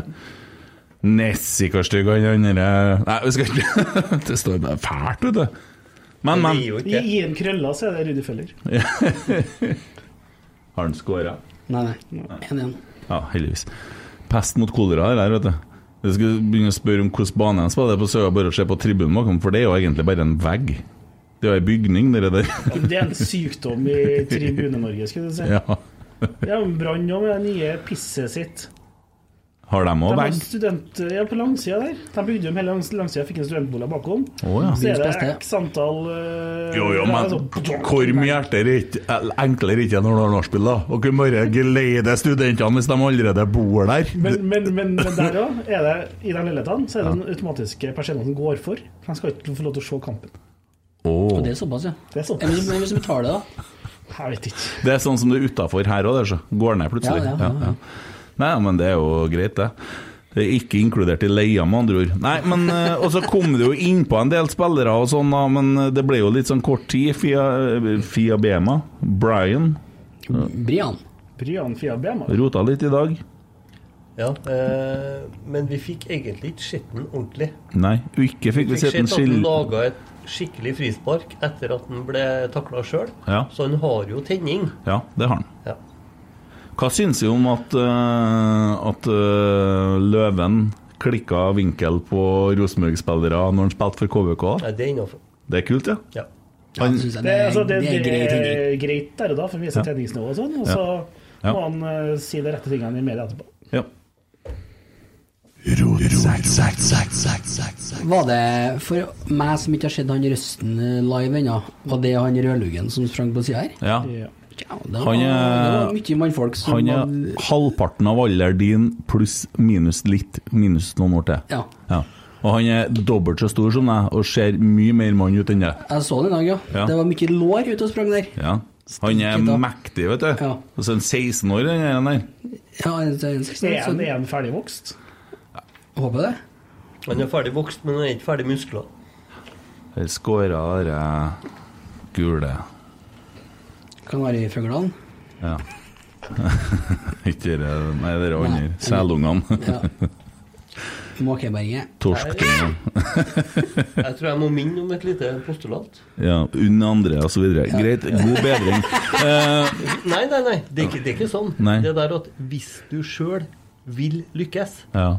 så er evne Altså den evnen å unne andre suksess ja. er en forutsetning. Jo, jo, men det er jo greit, men det der, der er jo cupen. Vi er ute av cupen. Vi kan jo sitte og så ha det litt artig med hvordan de Vi kan jo rente dem litt. Ja, altså, jeg bare Skal- minner om postulatet. Ja, Ett altså, sekund.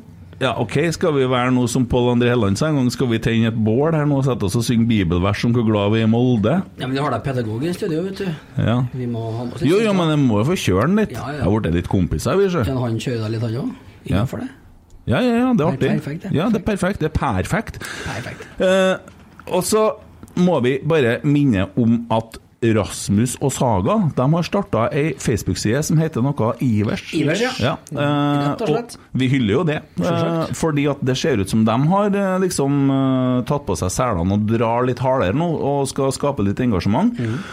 Og så sa han Rasmus i dag når jeg spurte han at den skal de bære litt innpå sjøl, og skal ha litt diskusjoner og sånn, så, så det blir jo fint, da. Eh, Det er sikkert ikke så fint innpå der akkurat nå, men eh, Nei, det var, altså, det var én post 'velkommen til Ivers'. Ja. Og det var liksom det. Jo, men jeg tror de har tenkt å skape Ja. litt greier. Altså. Men, men jeg synes de hadde en video ut De man skal ha sendinger før og etter bortekamper og hjemmekamper. Det er god satsing. Litt, ja, det er veldig bra. Veldig bra. ja, og da må jo folk eh, bli medlem der. Og det er jo bare å søke opp, uh, søke opp sida. Jeg kan eh, si her uh, hva den heter, mens jeg husker det. For at, vi liker ting som skaper engasjement. Når at adressa våkner og gjør ting, da. Det er Ivers fotball fra adressa, heter den.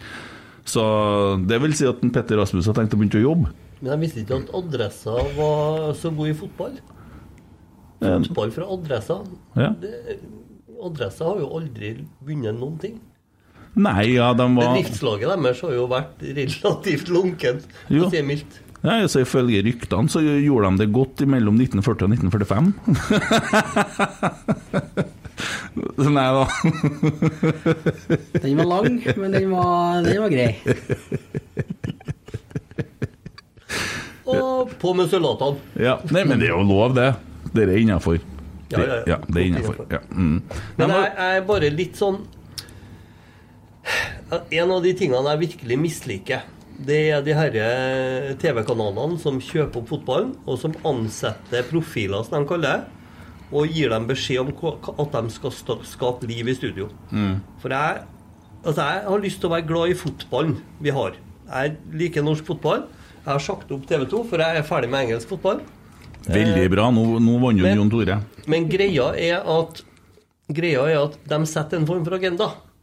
Eh, Og I perioder så er de ute etter dommerne, de er alltid ute etter enkeltspillere, de tar trenere. Og de snakker egentlig ned produktet Ja, er for å snakke opp seg sjøl. Ja. Og jeg opplever at adresser er litt av det samme. Men Mm. jeg opplever ikke at Petter Rasmus og Ole Sagbakken snakker opp seg sjøl. Men jeg mener at de har et oppdrag av adressa, og det er å selge klikk. Ja. Og selge oppmerksomhet. Mm. Og jeg syns at de bruker den jobben litt for heftig til å ta tak i alle sutrepunktene som er, og vri det negativt. Og jeg skulle ønske meg at de, noen kunne ha satt ei sprøyte med noe positivt i dem, så de kunne ha vinkla ting litt mer objektivt. Ja, jeg er helt enig, og dere der har jeg sagt før, for TV 2 var helt kronisk der òg før. For det var viktigere for dem å fremheve seg sjøl, og da gikk det jo på bekostning av hele Eliteserien. Og de snakka jo ned norsk eliteserie. Og publikumstallene daler, og det er nesten sånn at adressa jubler, for da har de en ny sak. Og det, det er jeg dritlei av. Og det har jeg jo sagt ifra om òg. at vi må på en måte prøve å finne et sånt løft. Ja, du, jeg har forresten en eh, liten sak jeg skal lese opp her. Fordi at jeg så Det dukka opp et eh, lite varsel fra ei sånn Rosenborg-side, og så spurte jeg en eh, inn på Facebook Så spurte jeg han forfatteren om jeg kunne få lese det opp i poden vår. da. Og Mens det, du leter, da, så kan du si Jeg tenker kanskje at det Ivers er et lite steg i riktig retning. Forhåpentligvis.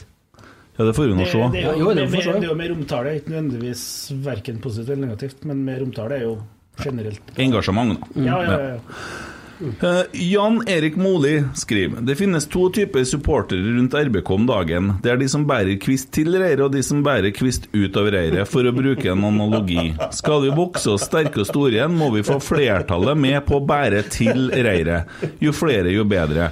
Hva har vi hatt, gjort, tenkt, sagt før, kan ikke bli en unnskyldning for å ikke bidra. Denne sesongen blir garantert en prøvelse med så mange unge og nye spillere.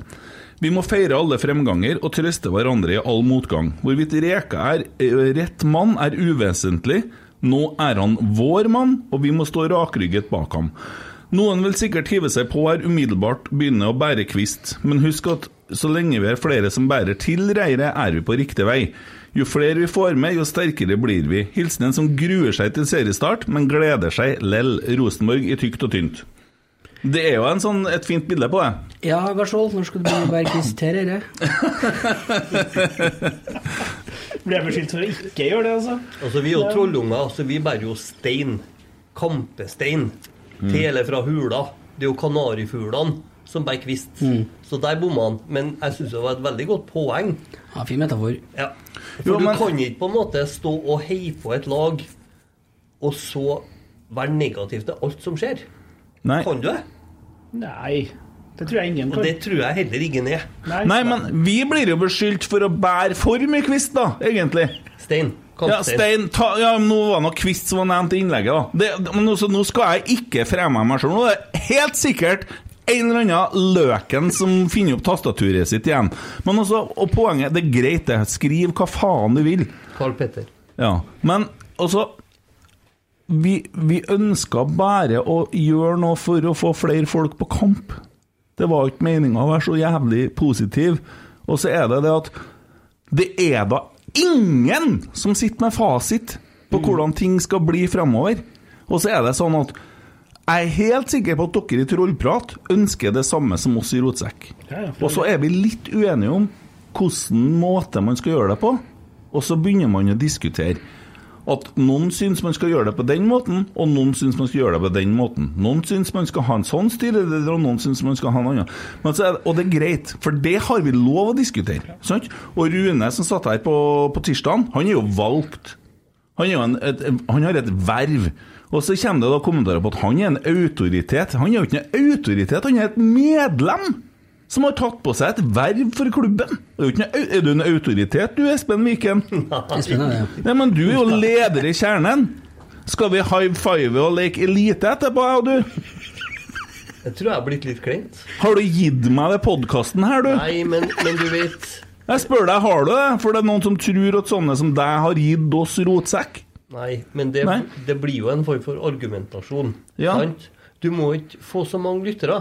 Du må skjerpe deg. Ja, fordi og at- miste en del lyttere, sånn Ja. at du ikke blir populær. For da blir det vanskeligere å kritisere deg. Ja, det for det er greit. greit å være positiv. Det er greit å være kritisk. Eh, det jeg vet, for at jeg har Jeg bød redaktøren i Nidaros, og så, og, og så sa jeg til han Nå har jo Adressa vært ganske negativ rundt Rosenborg en stund. Hadde det ikke vært litt kult om dere i Nidaros kunne vært positive? Mm. Og så sier han nei, det kan vi ikke være. Han er det? tromsøværing. For det, Ja. det selger ikke. Men han tar poenget. Bra parodi, forresten. Fordi at når du, når du slår opp ordet kritisk og presser, eh, så kommer det fram at hvis du er kritisk over tid, så blir det oppfatta som negativt. Mm. Og jeg tror det er litt der vi har havna litt i bakevja rundt Rosenborg. For at det har vært mange år. Og altså kjernen Vi har jo i vedtekten at vi skal være en kritisk samtalepartner til Rosenborg. Og når du er kritisk over tid, så går det ikke an å unngå at det blir, oppleves negativt. Mm. Så jeg tror egentlig vi, er, vi, vi havna i en liten sånn backwash. Eh, og så tror jeg at eh, det eneste som på en måte kvikkfikser det her, det er at vi begynner å vinne. Ja, jo, det er jo, det er jo det geniale veldig med fotball. Det En gang vi vinner, så har vi glemt det. Det tenker jeg på litt av problemet her, at det har vært nesten litt for enkelt da, å være kritisk til, til Rosenborg. For det, det, det er ikke bare det, det, det spillemessige det går på Der. Det går på alle mulige sånne ting. Hva, Mm. Hvordan styret har tredd seg i media, hva de har Mm. gjort med vedtekter og sånt. Ja. Alle der, hvordan klubben forvalter sitt eget varemerke. Det er masse sånne småting hele veien. Da, sant, ja. Mm. Hvis du, det er som sier, hvis du påpeker det hele, hele veien, da, hvis du ønsker at det skal bli bedre, men du påpeker det, så blir det negativt. Mm. Det er sånn det blir oppfatta. Mm. Men målet med å påpeke det også er jo at Se her, det her er noe vi mener vi bør fikse så det blir bedre, sånn Rosenborg blir bedre. Mm. Men så blir det oppfatta negativt, da. Jo, fordi at Og, ja, men, Problemet- men, men ønsket er å gjøre, gjøre klubben jeg, bedre. forst, jeg forstår det, for at jeg òg er med i, i noen sånne greier, sant?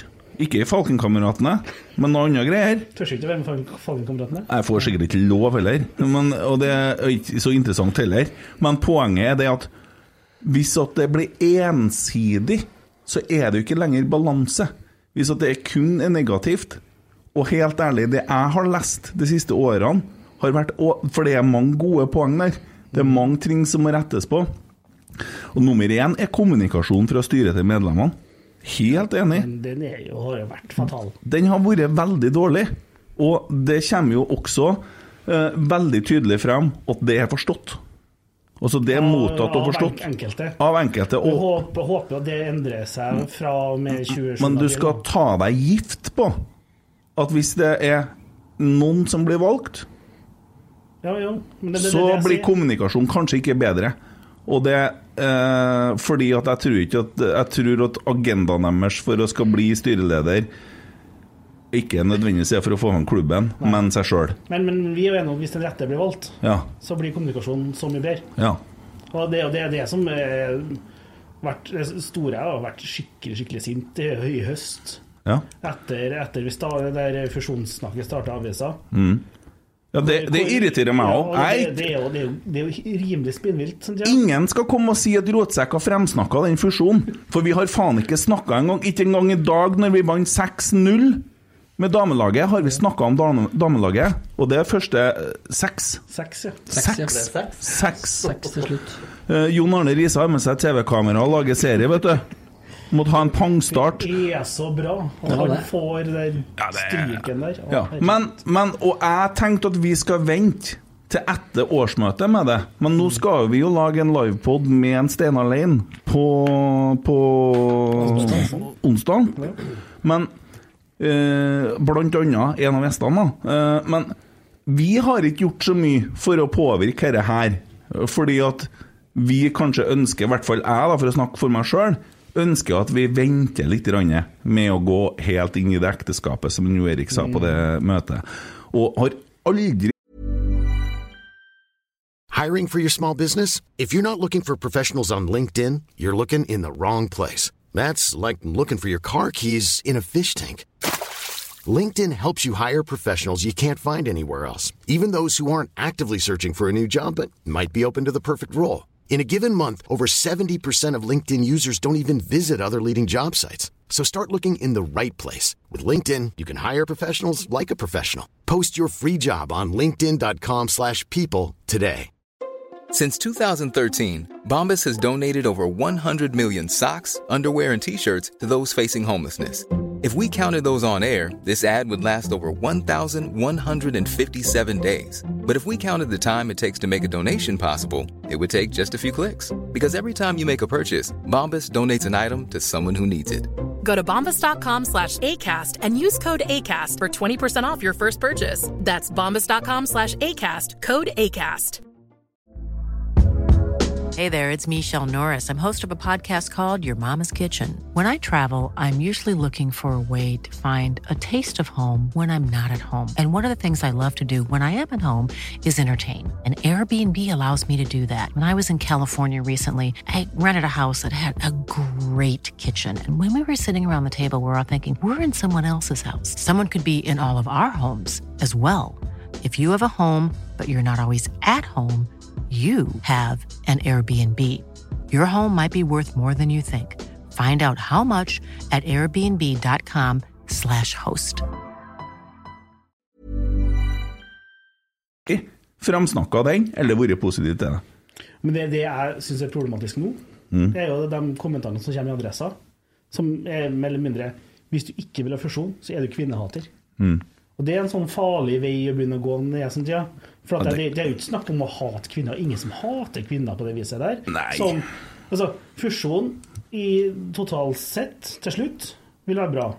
Men så er det å gjøre det på de rette tidspunktene etter å ha fått den informasjonen man trenger i forkant. Og der er ikke vi ennå. Men jeg syns at det gjenstår å se altså Nå har jo kommet av Cecilie med en del gode argument, synes jeg, for det der, og de lover jo dyrt og hellig at det ikke skal bli et sugerør nedi kassa til Rosenborg. Men jeg klarer ikke helt å tro på det, og det er litt lite penger i den kassa nå, så jeg er litt redd. Og jeg er litt redd timinga.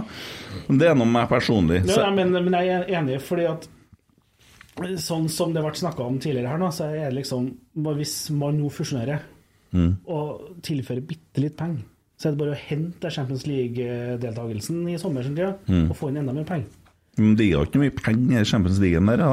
Nei, Jeg vet ikke hvor mye, men, det- men de har tydeligvis kikka på det. da. Ja. Eh, eh, at det er en del penger. Det er sikkert en, mer enn eh, det for å ikke være med. Jo, jo, det er det jo. Men altså, de skal jo lønne damer på samme nivå som Europa osv. Jo, men, men der var jeg jeg er veldig glad jeg hørte eh, C, Ja. som dere kalte det. Ses. Ja. Sess. At du sa at det, det, det er jo ikke aktuelt. Sille. Det er jo ikke aktuelt. Nei. Det, det, det, de må generere sin egen inntekt. Ja. Og det, det er positivt. Det Ja. er positivt. Men der har du jo, det er jo igjen da, snakket om mangelen på kommunikasjon. Mm. Og det, ja, alt, alt kunne ha vært løst med en tydeligere kommunikasjon på forhånd. For det medlemsmøtet vi var på når det ble snakk om dette her den forrige gangen vi trodde vi skulle på workshop, så satt vi, fikk vi sjokk hele gjengen. For da virker vi bare lagt fram et sånt ark. Men altså, det er nå sånn, og det er greit. Men også samtidig så er det sånn, og nå vet jeg at noen kanskje blir sur, men Ivar Kotteng han har jo gjort en veldig god jobb for Rosenborg, og så har han gjort en veldig dårlig jobb for Rosenborg noen ganger i media. Og så har han laga eh, til at han ikke har vært god i media, synes jeg personlig, så har det blitt en del unødig støy. Og så er det sånn at styret har jo en viss myndighet til å jobbe på egen hånd. Og så er det jo sånn at man kan ikke involvere alle omgivelsene bestandig i alt man holder på med. Og det skal jo så lite til før folk blir forbanna, i hvert fall nå, fordi det er så lite å gå på. Men det som en Espen sa i stad, og så begynner vi å vinne kamper, så er nok det meste glemt. Men, men det, det er litt sånn når, når, når Kotteng og eh, Engen, styrelederen i, i Kvinner, Mm. sitter her i avisa den 3. oktober eller hva det er, Mm. og sier at ja, det her blir bra, nå, nå skal vi førsteåret med en gang. Det blir alt dritbra. Mm. Og vi har planen klar. Så kommer vi på en medlemsmøte senere i oktober, og så spør vi spesifikt. Nei, nei, nei, vi har ikke noe å vise frem. Nei. Da, da må de altså begynne å jobbe litt med Ja. seg sjøl og kommunisere ordentlig med medlemmene, og kanskje ikke kommunisere gjennom uh, aviser. Ja, For å si det veldig enkelt, hvis damene vinner eh, Champions League, så er prisen, i hvert fall inneværende sesong, 4,7 millioner.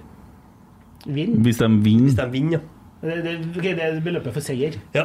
Vinner Champions League-finalen? Ja, ja, ja. Ja, Vinneren får Men så har du noen inntekter Det på tilskuere og det må jo være inntekter for, uh, for uh, å kvalifisere seg. Ja, men er- det er noen hundre tusenlapper, Ja. Men forskjellen er jo at damene får 4,7, herrene får noe sånn som 700. Ja. Så det er en ekstrem forskjell på Champions League herrer og damer. Jo, jo, men det er jo på grunn Og det er jo ikke fordi at ikke vi liker damer. Eh, det skal være sikkert og visst. Men altså, det er jo fordi at det, Så når du drar på Kotteng Arena, så, så er det jo ingen der og ser på kamp. Det er veldig få. Og det er ikke noe automatikk i om at vi blir slått sammen, at kjernen kommer til å dra til Kotteng Arena. Og i tillegg så klarer ikke vi å legge en treningskamp utafor tida til en seriekamp engang! Det er for dårlig. For den treningskampen i dag, den kunne ha starta ei time eller to tidligere, den. Hvis man bare har gjort jobben sin på forhånd. Dette er for dårlig. Det er for dårlig. Ja, For der krasjer de i tillegg. Og da skjønner jeg at kjerringene kan bli forbanna òg. Vet ikke jeg hva tilskuertallet på Kotteng Arena var i dag, men jeg, jeg tipper det var flere på SalMar-banen i dag enn det var borte på Ja, og de, de fortjener jo i hvert fall å få muligheten til å få uh, supportere. Og det er klart, når de i tillegg vinner 6-0, da, så vil jeg tro at uh, Kanskje det lettere å være der i dag. Sp- sp- Spørsmålet er om Halsnes er noe målestokk, da. Nei, det- Kunne jo spilt en uh, Laga en festdag utpå her. Herrer først og kvinner etterpå. Spørsmålet om dem er en målestokk Man kan si er var Tromsø en målestokk? Eh, Ja. Men altså, OK. Eh, Dere der er sånne ting vi må skjerpe oss på, og det er sånne ting man må si ifra om, og så må folk ta det innover seg. Dere der, Sånn går det ikke an å gjøre det. Ja, det må tynn. Ja. Og veldig. Så for all del, det, Nei, det nei, men, men hvis, hvis, hvis styret får på plass eh, kommunikasjon, og Mm. medlemmene Mm. klarer faktisk å fortelle noe, mm. Så, så er det jo lettere å, å tro på dem. Mm. Men klarer dere i trollprat å tro at Ivar Kotteng gjør så godt han kan for Rosenborg? Ja, altså, han har jo ikke vond vilje.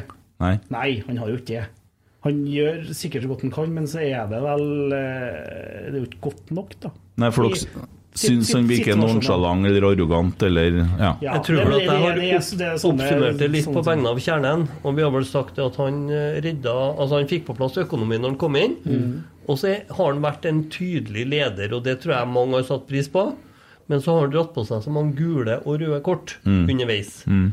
For han eh, har noen utfordringer i media. Jeg har sagt det til han at hadde du vist 10% av følelsene du viser meg når vi sitter og snakker sammen 1-1, så tror jeg forholdene har vært annerledes eh, ut. Eh, og så er den ganske bastant, og så blir det noen utfordringer over tid eh, som ikke blir borte. Og så tror jeg nok at den måten styret hans har håndtert medlemsmassen sin på, måten de legger opp medlemsmøter på, måten de informerer på, den har vært sånn at den har vært så ond over tid at det blir vanskelig å forholde seg til det. Mm. Men det at de gjør masse kloke, gode avgjørelser, det er bånda bein. Ja, ja, Styret har helt sikkert jobba bra, men når de da drar på seg sånne gule og røde kort i forhold til medlemmene sine, sånn som de har gjort, Mm. så blir det vanskelig over tid.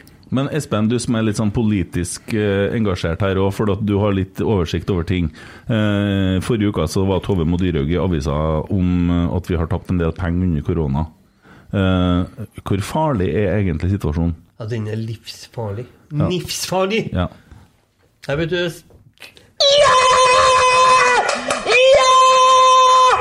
Jeg tror ikke jeg- Altså, i fotball så er det heldigvis ikke Det, det er ikke krig. Selv om det er krig i 2 ganger 45, så er det ikke krig. Nei. Så det betyr at det er jo ingenting som er livsfarlig. Men vi har behov for en ganske god økonomi for å klare å gjøre de rette valgene. Og den økonomien er i ferd med å forvitre. Mm. Og jeg tror at uh, sparking av en Kåre, uh, resultatene, prestasjonene Ikke resultatene, men prestasjonene vi har sett på banen Altså Jeg tror ting over tid har gjort at de pengene forvitrer. Så vet ikke jeg hvor gode disposisjonene har vært på alle spillersalgene de siste årene. Hvor mye vi har klart å hanke inn der vi burde ha hanka inn. Men så sier jeg det å gjette at Erik Botheim skulle selges til Russland for over 40 millioner Mm. Det hadde vært altså, Det har vært et godt håndverk å lagt inn en middelsalgsklausul. Men det å gjette at det skulle bli sånn Altså, hallo. Eh, Men det å så gjette at den skulle komme gratis tilbake igjen. Ja, ja, Da Men, men, men, men, men der, jeg, klandrer jo ikke eh, Dorsin for, å bli lurt av Solbakken i den eh, Mm. I den varianten der, da. Nei, og Han skal til HamKam, ja. Nei, Og så blir han frigitt, og så Nei, oi, nå tar vi en U-sving nordover, og så Ja, men, Altså, og, ja. og der er jo det sånn uh, Jim Solbakken, da, sikkert noe som Røkke har vært borti. Dæven, det må jeg fortelle om, før jeg tar det andre.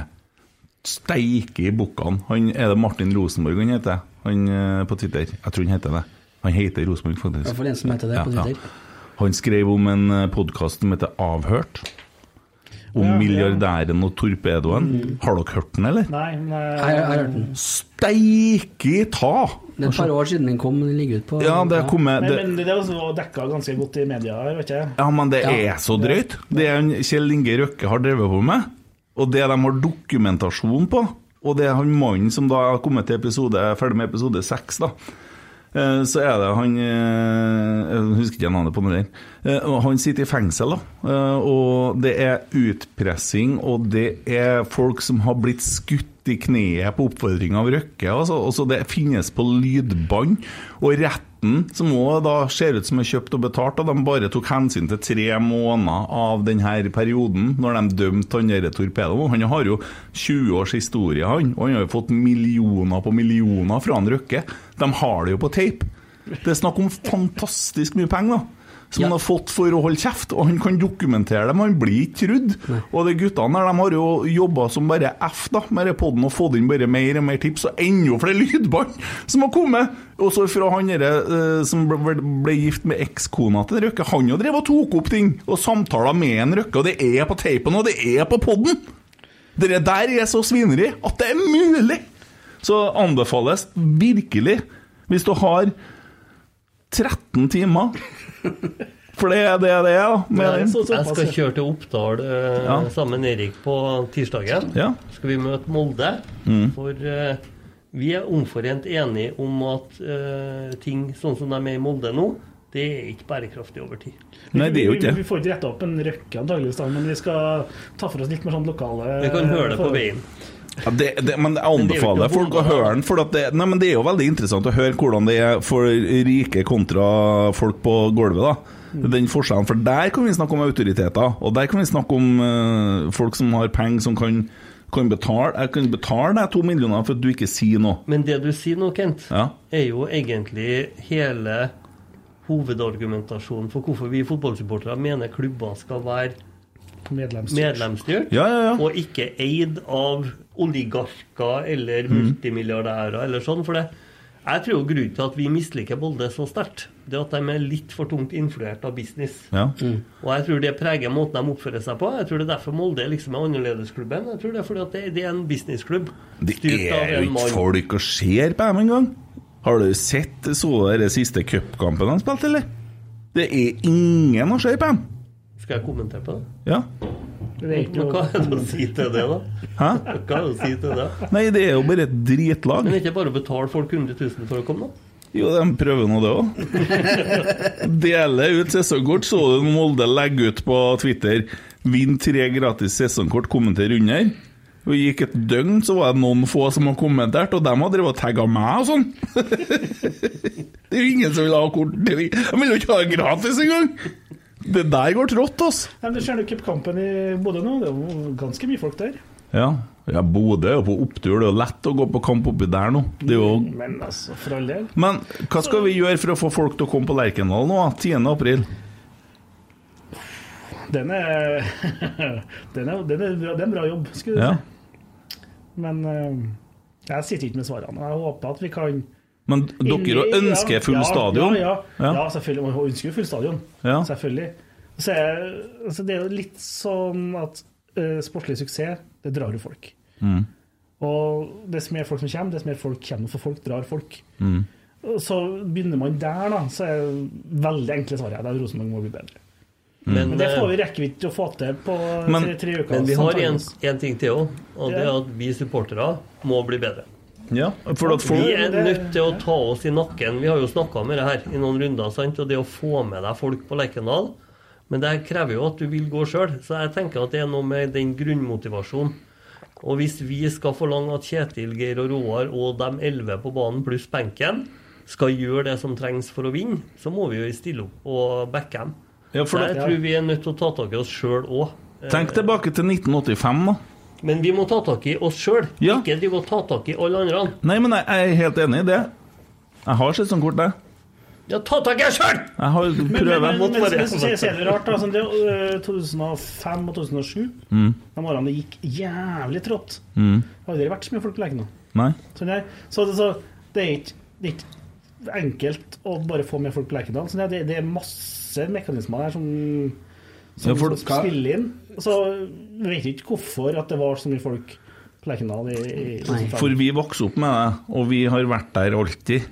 Men vi, vi, vi som sitter her nå, vi er snittet av den Lerkendal-tilskueren, ikke sant? Ja, det kanskje. Ja, og eh, det her unge guttene og Da tenker jeg på det at Noah dem de må få lov til å gi bort drakten sin etter hver kamp. De må, vi må, alt sånn Vi skal jo ha med hun kjerringa som har fått den jobben. Ja. Pernille, hva Ja, i en pod her, for å prøve å fyre opp litt om hva vi kan gjøre, og ja, tjobing. Hun skal være gjest her. Og for å få folk på kamp, og hva som skal til, hva de trenger. Og det er jo mange som har mye sterke meninger der òg, men også Vi må jo prøve å gjøre det vi kan for å få folk på kamp. Vi går ut ifra at Sjøl om vi er for positive da, for noen Jeg kan ikke altså jeg orker ikke jobbe med det, for vi er noe som vi er. Men altså eh, folk, folk må altså, Alle vil vel at, vi skal, at det skal være flere folk på kamp. Så, Og så- er det to, to måter du kan gjøre det. Du kan jobbe langsiktig. Ja. Ja. Da tenker jeg da må du skape en vane hos ungene. Ja. Og hvis du skaper en vane hos ungene, og Mm. de blir vant til å gå på Lerkendal Men sier dere da til ungene Husk på det nå, lille Anders, at hvis Rosenborg begynner å vinne kamper, så skal vi gå på kamp. Nei, vi har begynt å nei, nei, nei, nei, Nei, men du sier jo at resultatene må komme først! Ja, jo, men det, det gjelder for sånne som oss. Som, Ja. som, som, hvor- Det kan ikke det! Det- Nei, nei, men, men poenget det er vel frem til nå. Altså, Ja. du kan, Rosenborg kan gjøre masse greier. De kan uh, f.eks. si at uh, alle niendeklassingene, Ja. når de er niendeklassinger, får lov til å komme på Lerkendal for en veldig veldig billig penge. Mm. Skape en vane. De går på Lerkendal hver eneste gang. Så Når de da kommer i tiende, så Ja, faen, vi skal jo på Lerkendal, vi. Mm. Så, så, så frøet der, for eksempel. Ja. ja. ja. Det går an. Nå tror jeg Det- det- det- niende det- feil Det ting å- konfirmasjonsrabatt, vet du. Kom og bli konfirmert, ja, men det var en god idé. Ja, men det, det, det er sånn, sånn. Få skape vanen. Det, Ja. det, er- det er en langsiktig sak man kan gjøre. Sånn det. Ja. Kortsiktig så må man jo bare ta med seg kompisen sin. ja. Han vet ikke har vært på kamp på fem kamper. Ta han med. Bare si at 'nå har jeg kjøpt billett her, nå blir du med'. Ja. Jeg har så lyst til at det skal bli fullt på Lerkendal. Og så tror jeg Jeg har så lyst på en kopp kaffe til. Ja, skal vi ordne det? Da ble det mer kaffe på Espen Viken. Og han har flytta seg nærmere mikrofonen, men som jeg sa i stad, det er jo ikke alle som er popstjerner, Kent. Nei, Nei, det nei, er jo nei. ikke alle som vet sånn. Nei, nei, men du, du tar da litt uh, opplæring, du? Mm? Ja. Klart. Veldig klart. Uh, ja, det kom inn en liten sånn tips på um, Adresseavisa her. Hovedsponsoren kommer med klar beskjed før årsmøtet. Og her har da en uh, Jan Frode Jansson sett RBK kvinner spille fotball, og nå har han hatt en klar beskjed. eh, om at uh, hvis klubben sier nei til sammenslåing, kan det få konsekvenser for det framtidige samarbeidet siden 2015 har tilført millioner inn i klubbkassa. Det er klart man må si det. DNB jubler, uh, forstår klar som ny sponsor, så det her er heller ikke noe problem. Dette her blir akkurat som den greia vi hadde rundt Qatar. Altså, Når vi skulle boikotte Qatar, så var det så mange sponsorer som kom til å bli borte. Mm. Men så tok Josimar en skikkelig ringerunde rundt omkring. Så viste det seg jo det at det var jo flere som ville Men- være med hvis vi boikotta en som vi ikke ville være med. da har jeg et spørsmål til den saken her som eh, Anne Marit Dahl har skrevet i Adressa, for nå skal vi jo være litt kritisk her. Kjør på! Har Sparebank1 eh, hatt møte nå, dem da, etter at Rosenborg kvinner spilte i dag, søndag, fra klokka eh, var det tre til fem de spilte, og så er det sånn Her er det så bra! Og det her må vi ha ut i media i dag! Og da må vi ha et styremøte her, for nå må vi vedta noe nytt! Nei, det er en kall som sitter som leder i en bedrift, som har reagert på en 6-0-seier, og som sier at ja, her må vi vurdere! Her må vi vurdere! Det er jo bare piss. Han sitter ikke og styrer det der, han. Men du vet når du er sponsor og går inn med penger, så Mange sponsorer kaster bare penger etter deg, sant? Det Mm. vet vi. Men noen, noen har jo noen ønsker, og det er et helt legitimt ønske fra Sparebank1 å ha det sånn. Men greia er jo at alle må jo få lov å mene hvem vil. Altså, Sparebank1 må jo få mene hvem vil om de pengene de gir. Eh, Alle må få det. Mm. Og så tror jeg det er sånn som du sier, at hvis Sparebank1 ryker ut, så kommer noen andre inn. Ja, men så for klubben Er det én mann som kan bestemme det, da? Er det én Er du konserndirektør, så er du konserndirektør. da. Nei, det der har vært opp i flere det er runder altså- i Sparebank. han, men hvis at, skal, hvis at Sparebank1 som sponsor skal komme inn og påvirke årsmøtet til Rosenborg, så kan ikke han alene gjøre det? Og Nei, men, at men, men det er jo i seg sjøl feil, da. ja. At de skal gjøre det. Altså stemmene til folk. ja, det er jo det de gjør der, da. At de, Det- De men, men det har jo vært sagt Det ble jo sagt det Det er jo, første gangen vi hører det her, da. Nei, det ble jo sagt på medlemsmøtet òg at det er noen sponsorer som har det som fremtidig krav, men så passer det jo veldig bra. Han er jo der på kamp, og så får han et spørsmål for en journalist rett etter kampen, men det er jo ikke noe som er fatta noe vedtak på i Sparebanken eller der. Nei, Sikker på men at det sitter det, poenget er at han det står i videre artikkelen. Ja, Han har skrevet en kronikk som kommer i Adressa i morgen. ja, adresse reklame for Adressa. Hvis jeg skal gjette, så er det ganske godt forankra i Sparebanken. der. Både gjennom FNs bærekraftsmål og Mm. det som er inne i tiden i dag. Ja. Så det, det nei, Ok, så det- Ja, for, fordi, de, fordi de vet de taper hvis de ikke, Uansett. ikke er for damer. Så Da det, blir det Kolstad isteden. Men det er jo grunnen til at vi i Kjernen har snakka om at i denne saken så må vi være så presise og nøyaktige som vi kan få vært. For hvis vi er kritiske til en sammenslåing fordi at vi føler at økonomien kanskje ikke har bærekraft til å tåle og at vi føler kanskje at vi får et styre med litt vel eh, tungt perspektiv inn mot kvinnelaget, så er vi redd for at herrelaget skal bli taperne. Og det er en helt irrelevant relevant og ålreit tenkemåte, men det er så lett å da kalle alle som tenker på det laget de er mest opptatt av, for kvinnehatere og kvinnefiendtlige. For det er veldig i tida å ukritisk slå sammen. For det er noe med like rettigheter og like muligheter som jeg òg er enig i.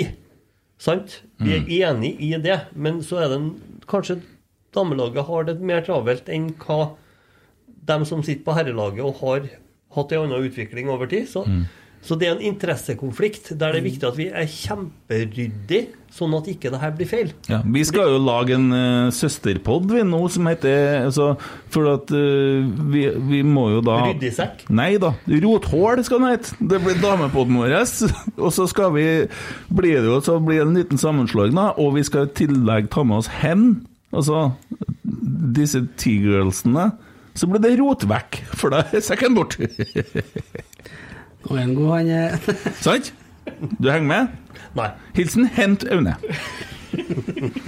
Nei da, men det blir da sikkert eh, bra, alt det der. Og det, folk er jo flinke og vet hva de holder på med. Og så får vi jo tro på det, da, at hvis det nå blir sånn, så blir det til det beste for alle. Ja, jeg tror at ut, den store utfordringa med ei sammenslåing herre- og damelaget nå, er at styret har vært så mangelfull i info om konkret hvordan dette her skal bli, og konkret hvordan de her avtalene skal landes, og konkret hvordan dette skal settes opp, Mm. at jeg tror de har dratt på seg en latterlig unødig skepsis Mm. fra mange, som nå i neste runde blir stempla som fiendtlig for eh, kvinnefotball.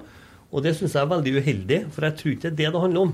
Nei. Jeg tror det man er kritisk til, er ikke ei sammenslåing. Det man er kritisk til, det er måten styret gjør det på. Ja, for at de, vi ble jo vedtatt for to år siden, den der femårsplanen. Det vant de 4-1, ja. Og den femårsplanen har man jo ikke sett snurten av før man nå plutselig skal, skal fusjoneres. Så hadde de, som du sier, Espen, vært frampå og vist fram her, her har vi noe, her, sånn skal vi gjøre det, så hadde det vært lettere for oss også å svelge det. Men jeg, jeg forsto det på at det er femårsplan, så Det var- er ja, det sammenslåinga midt inni der en plass Ja, ja, fordi at jo. det var noe etterarbeid og sånn som men, skal men, men det er poenget at de har ikke vist planen. Nei, nei, nei, det er jeg enig i. Og så tror samtidig jeg skjønner, er er jeg skjønner styret, ja.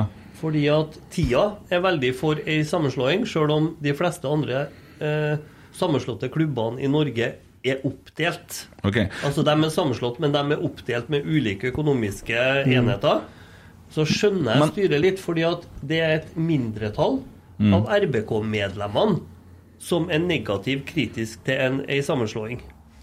Og det, da, så Jeg skjønner jo at styret har tatt for lett på det, men det er jo enda en ting de har tatt for lett på. Mm. Og det gir seg så dårlige utslag på det herre, på det herre medlemssammenhengen som de faktisk har ansvaret for. De har ansvaret for kommunikasjon, de har ansvaret for informasjon.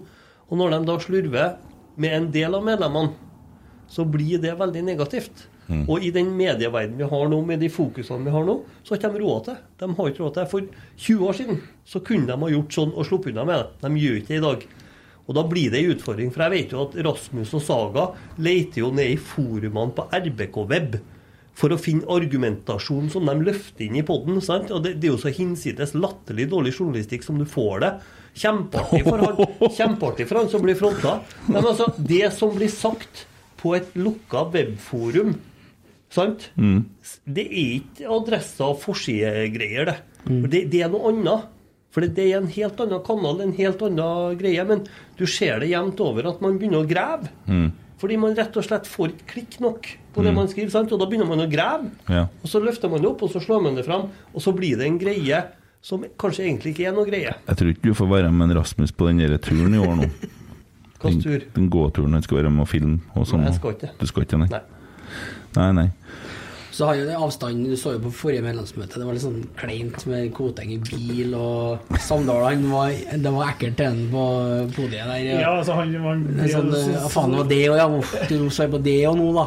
Og ikke dette møtet skal handle om når de vet at alle sammen lurer på det. Men Koteng er en fin fyr. Ja, Første altså, gangen jeg møtte Ivar, så skulle vi intervjues av TV 2 her er mange år siden. Og da var vi jo nede på arbeidsplassen hans. Da var han nede på Solsiden. Og da var vi oppe og henta han. Og så sto jo jeg og han i heisen, og da hadde jeg jo, hadde jeg jo skjorte, dressjakke og skjerf. Og han kom jo i flipflapper og hvit eh, T-skjorte. Så kikka han på meg, og så sa han du er ganske snobbete, du, Stan. det syns jeg er en herlig melding å få når du er supporterleder av styrelederen i klubben din. Men jeg, jeg, jeg er pro Koteng, altså, for all del, men jeg var jo liksom greia med styret og Der røyk du på neste Twitter-uke. Lykke til. God bedring. Du får det nå. Men greia er at det, det, når du skal liksom minke, eller når du vet at den største utfordringa er kommunikasjonsbiten med, med medlemmer, så skjønner jeg at liksom Så har de liksom all verdens mulighet til å gjøre noe med det på et møte, da, liksom skape nærhet og alt det der. Så ja, nei. Ja, de, de har liksom mulighet til å forklare seg, da, på et vis. Det det også, ja. Men- og, så, og så nekter de å ta, ta den sjansen de får. Jo, men det, det blir bedring nå. Jeg er helt sikker på det. Jeg har trua på at det nye styret, med Ola By Riise og Tore Reginiussen som vara, og Cecilie som leder, sannsynligvis, da, i hvert fall det som er foreslått av valgkomiteen, så tror jeg kommunikasjonen blir atskillig bedre. enn Men det blir vel ikke Tore om det blir slått sammen? Nei. Jo, Tore blir vara hvis det Jo, han, da blir han i styret. Eller var det Nei, jeg mener han var inn hvis det ikke ble Ok, sånn, således. Ja, vi får nå se. Det det er men det, men det var jo en kabal, det òg. ja, Men nå er det noe, uansett medlemsmøte på torsdag. Det er veldig, veldig, viktig. Ja. Og det, det Da skal det være sånn workshop, skulle ikke det? De sier det. Ja. Først, først info, ja. og så workshop. Å, shit, jeg får sånn skole... Men- Jo, men, men, men ok, det, jeg har snakka med en del som har vært veldig negative til det der eh, workshop-opplegget. Så sier jeg Jeg er negativ, også. Jeg bare får sånn skole... jo, nei, men, men altså, elever. eh, ok, Nå skal jeg være positiv. Workshops er bra. Ja.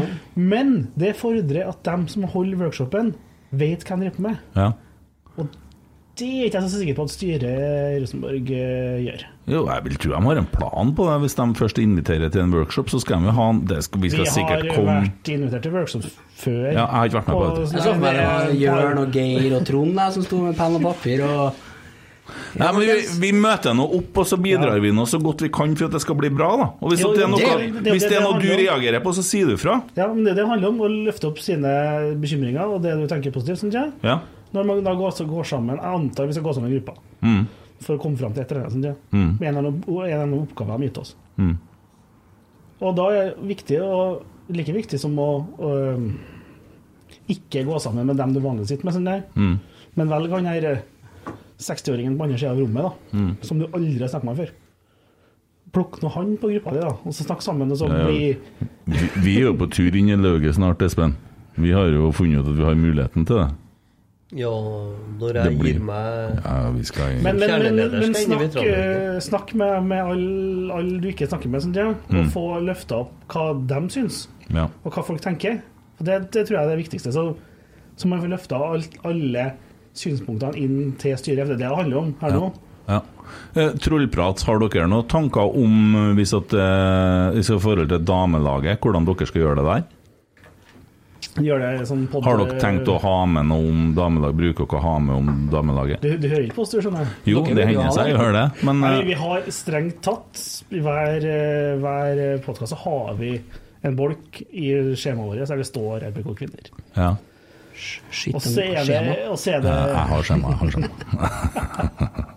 og så er det begrensa hvor, eh, hvor ofte vi både rekker og har sett Ja, men hva kan du om damelaget, da? Jeg kan ikke være en trener Sten Alene, og spiller på Kottang Arena. Altså, han kan, masse sånne Ja. greier som det. Ja, men du kan jo Eh, om spillerne og Jeg Vet av en del av spillerne. ja. Ja. Jeg kan ikke nok om damelaget. Men er liksom sånn jeg har til og med favorittspiller på damelaget. Du har det, Ja, ja. ja? Fordi at hun er fin? Ja, Marita? Nei, fordi hun er jævla god. Ja, sånn, ja. Sara Kanutte. Ok, sånn ja.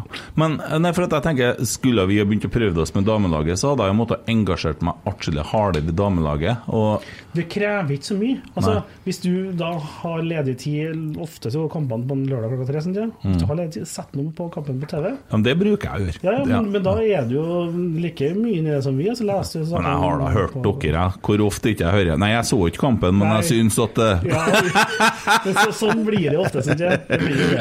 Ja. Nå skal du høre analysen min her. Ja, Men eh, OK.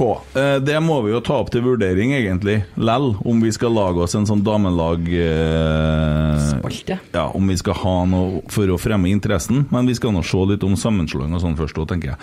Vi har fått inn eh, noen spørsmål òg, så vi må vi, Nå har vi faen meg prata lenge! Passer det i 40, gutta? Ja. Da er det lov å begynne Det Da begynner det å ropes her. Da begynner å skli ut, som regel. Uh, ja, det er jo blanding av dilemma og spørsmål og alt mulig her, men det kan være litt artig, det. Jeg har sett det. Kampen er jo ferdig. Det er repriser her, Espen. Bodø-Glimt vant. Nei, nei, nei. Nå har Lillestrøm akkurat skåra. To ganger på rad, så nå er det 4-3. Det blir kjempespennende her. Hva er det du fikk? Hva har du med her for noe, du? Hva er det du har oppi snuseska di? Vaffel til middag eller sodd til frokost? Vaffel til middag. middag. til frokost. Sodd til frokost.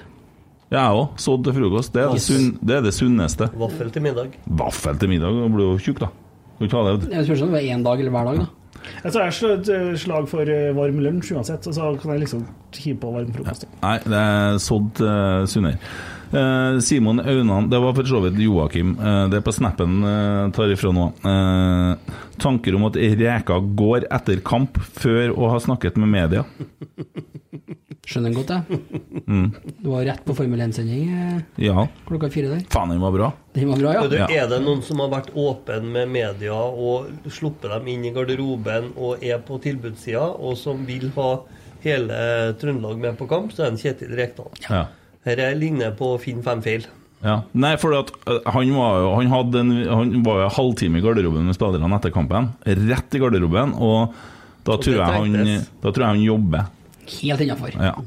Og så var det jævlig bra eh, Formel 1-sending. det var, det, det var artig. Ferrari Det var- det tok var- to førsteplassene. Mm, deilig.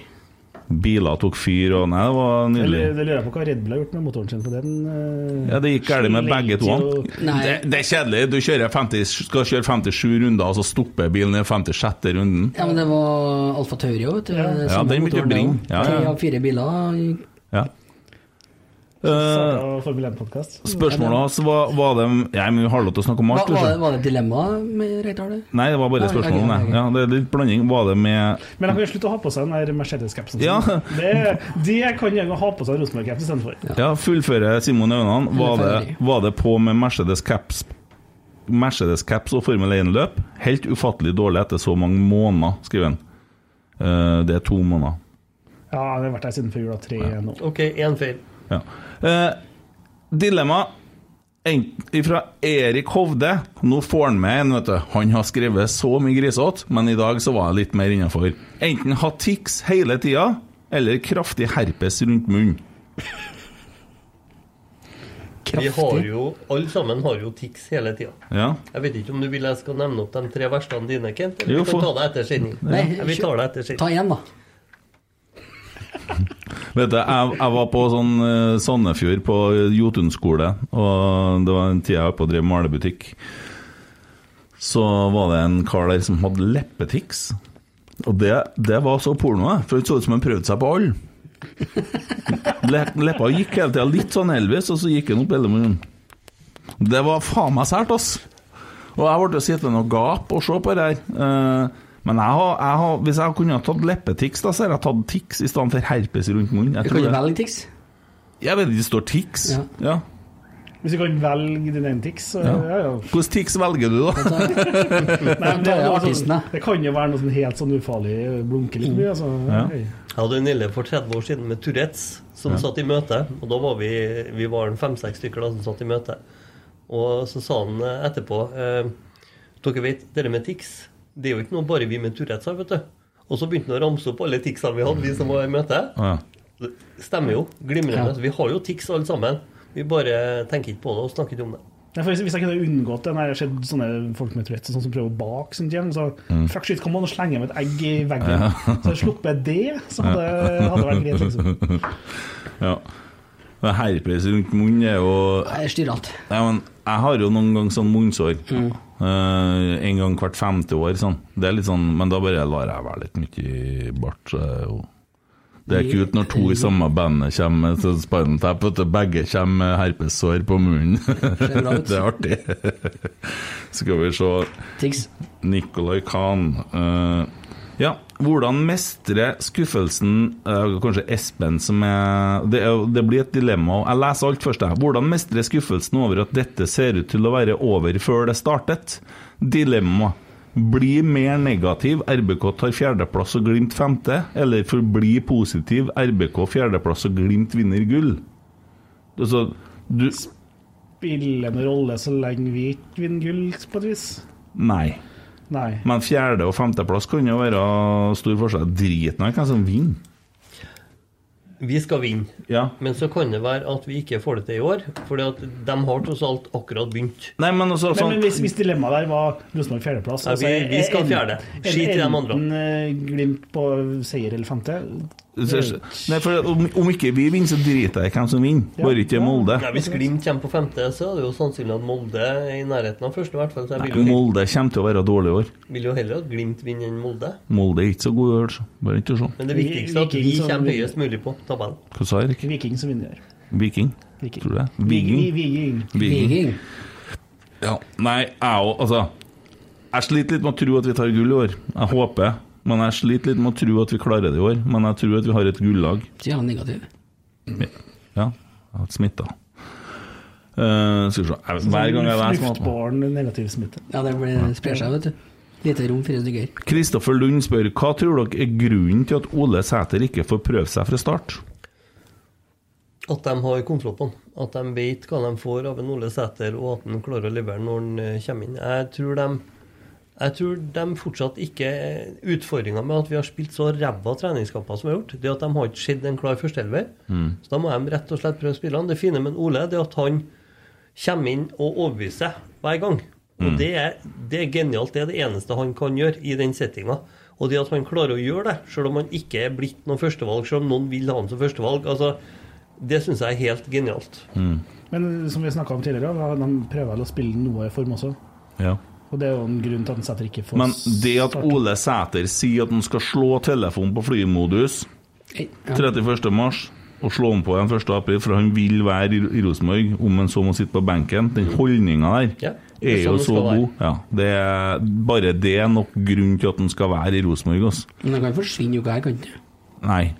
Men da, da, kan jeg, da? Nei, men- han kan jo ikke det. Det er jo ikke agenten som bestemmer om han skal dra noe sted. Det er jo han som gjør. Og bare si til Kristiansund at det er ganske sterke rykter om at Ole, Ole er fryktelig vanskelig å ha med å gjøre eh, på fritida. Og det gjelder eh, også de andre lagene som har kikka på. Mm, det er mye styr med. Det er mye styr med han, og det drikkes litt. Og det er, det er ikke en spiller som er anbefalt å kjøpe til noen klubb. Skaper uro i gruppen. Har ikke førerkort, har jeg hørt. Ja. Som må hentes og kjøres. Ja. Og ikke noen lagspiller. Så, Ikke har han sykkel heller. Nei. Så det Kan ikke lage mat, så må hjelpe til det. Jan Petter si, Tenker meg oppover til Bodø. Du er litt sånn Du er nesten du er med på reisene, du. Supportermann.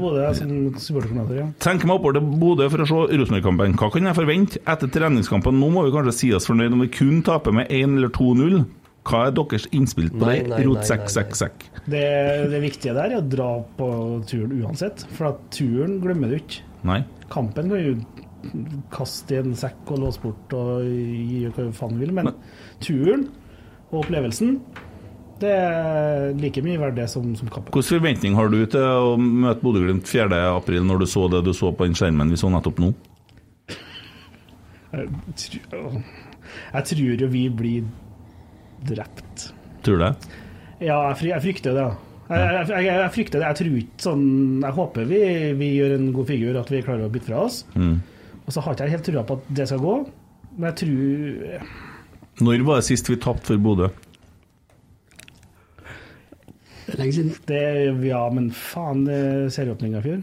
Nei, spilte uavgjort. Altså, serieåpninga for to år siden, i hvert fall. Ja. Var det sist vi tapte? Ja. Da var jeg i Bodø. Nei, vi Da tapte tapte da, vi 5-0. tapte da hjem her Tapt hjem. Ja, vi- i tredjekampen. Vi tapte ikke i fjor. Vi spilte uavgjort begge kampene. 2-2 og 0-0. Rallepus skåra oppi der òg. Det fine vet du, det er at alle vet jo at Rosenborg er underdogen, og de beste kampene vi spiller, er faktisk som underdog. Og så Mm. tror jeg, hvis du ser statistikken, så tror jeg vi har spilt de beste kampene mot mye bedre, altså antatt gode lag.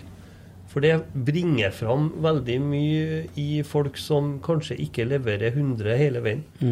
Så jeg har trua på at eh, Altså, jeg tenker at et utrolig godt resultat i Bodø, det er seier. Ett mål, to Altså alt over ett mål et Ett mål oppover er jo suverent, men da har vi gjort en utrolig god prestasjon. En god prestasjon er uavgjort. Blir det tap, så tenker jeg det, det er en kjip prestasjon. Men, men så er det som alt annet. Fotball, den viktigste kampen er den du ikke har spilt. Og da kan du ikke gå i hel uke og snakke om den du har spilt. Nei, nei, nei. Og tenk deg Tenk deg å slå Bodø-Glimt i første seriekamp. Ja. Tenk deg. Plutselig så er alt snudd, og så tror folk litt på LL. Men jeg må innrømme, jeg bestilte meg flytur til Bodø for en og en halv måned siden. Mm. Og i dag, mens vi sto og så på kampen, så hadde jo jeg òg et svakt øyeblikk da jeg tenkte faen. det- Ja. Men akkurat der og da så er jo følelsene så vanvittig sterke. Da sitter jo midt oppi det. Ja. Nå etterpå så er jeg jo skitglad for at jeg har bestilt meg og har alt klart. For jeg vil ha med meg den kampen. For fotballsupport er litt som laksefiske. Du faen meg står der time etter time etter time etter time. Du må ha det. Du må ha det ålreit, sant? For du, du må ha folk der, du må drikke kaffe, du må drikke kanskje en liten skarp en. Og du står der time etter time og venter og venter og venter, og plutselig så slår han på den største ruggen. Akkurat sånn er å være fotballsupporter. Du står ikke der fordi du skal underholdes i to ganger 45. Du har noen forventninger, du må se et lag som vil noe, du må se en form for forbedring, men du står og venter på gullaksen. Det er jo derfor du er fotballsupporter. Det er de øyeblikkene, altså i dag, når Pereira dro gjennom hele midtbanen, tunnel, og virkelig dro på og liksom ikke butta før det stoppa innenfor deres 16, det var et sånn øyeblikk til meg. Nei, ja, ja. Det, altså, du er laksefisker når du er fotballsupporter. Mm. Sånn er det. Var tendenser, vet du. Noen ganger. Yes. Eh, Nei, men det, så det kan gå bra, her. Det kan jo gå bra. Ja, ja, ja. Det er så jævlig surrealistisk å sitte og snakke sånn her om det laget der. Faen, jeg, altså. Men de siste men- men ti ta- årene Ta turen. Det, det er verdt det uansett. ja, ja, det er jo det. Og det må jo dere sørge for, som er med i gjengen. Ja, Vi langsidesupporterne vi drikker kaffe og sitter med kampprogram og melder bare positivt vær, vi! Du skal ikke ta turen du Kent. Men eh, Nei, jeg skal ikke. Hvordan tar man turen, da? Du enten kjøper deg nattog oppover, eh, eller så finner du deg billig fly. Jeg tror fortsatt det er mulig å få billig fly hos et av de flyselskapene som er blå. Vi, skal ikke, vi er ikke sponsa av det. Det er veldig billig å fly via Russland, Emil. Ja, det er det, ja. Nei, altså, det, det er bare å gjøre det, så, og så kommer kampbillettene ut i morgen, mandag. Ja, de kommer i morgen. Og så, så enkelt er det. Det er ikke verre nei. Nei, nei, Det er veldig enkelt. Det er ikke noe organisert opplegg sånn uh... Ikke, ikke til Bodø, men Nei. eh, når vi får uh, kamper som er litt tettere på, i geografisk avstand så, Og da kan alle sammen være med, eller? Alle sammen være med. Må ikke være med medlem i kjernen, eller? Du må må bare betale litt mer. Ja. Men det er faktisk så genialt at hvis du kjøper busstur som ikke kjernemedlem, så må du betale mer enn det koster å melde inn.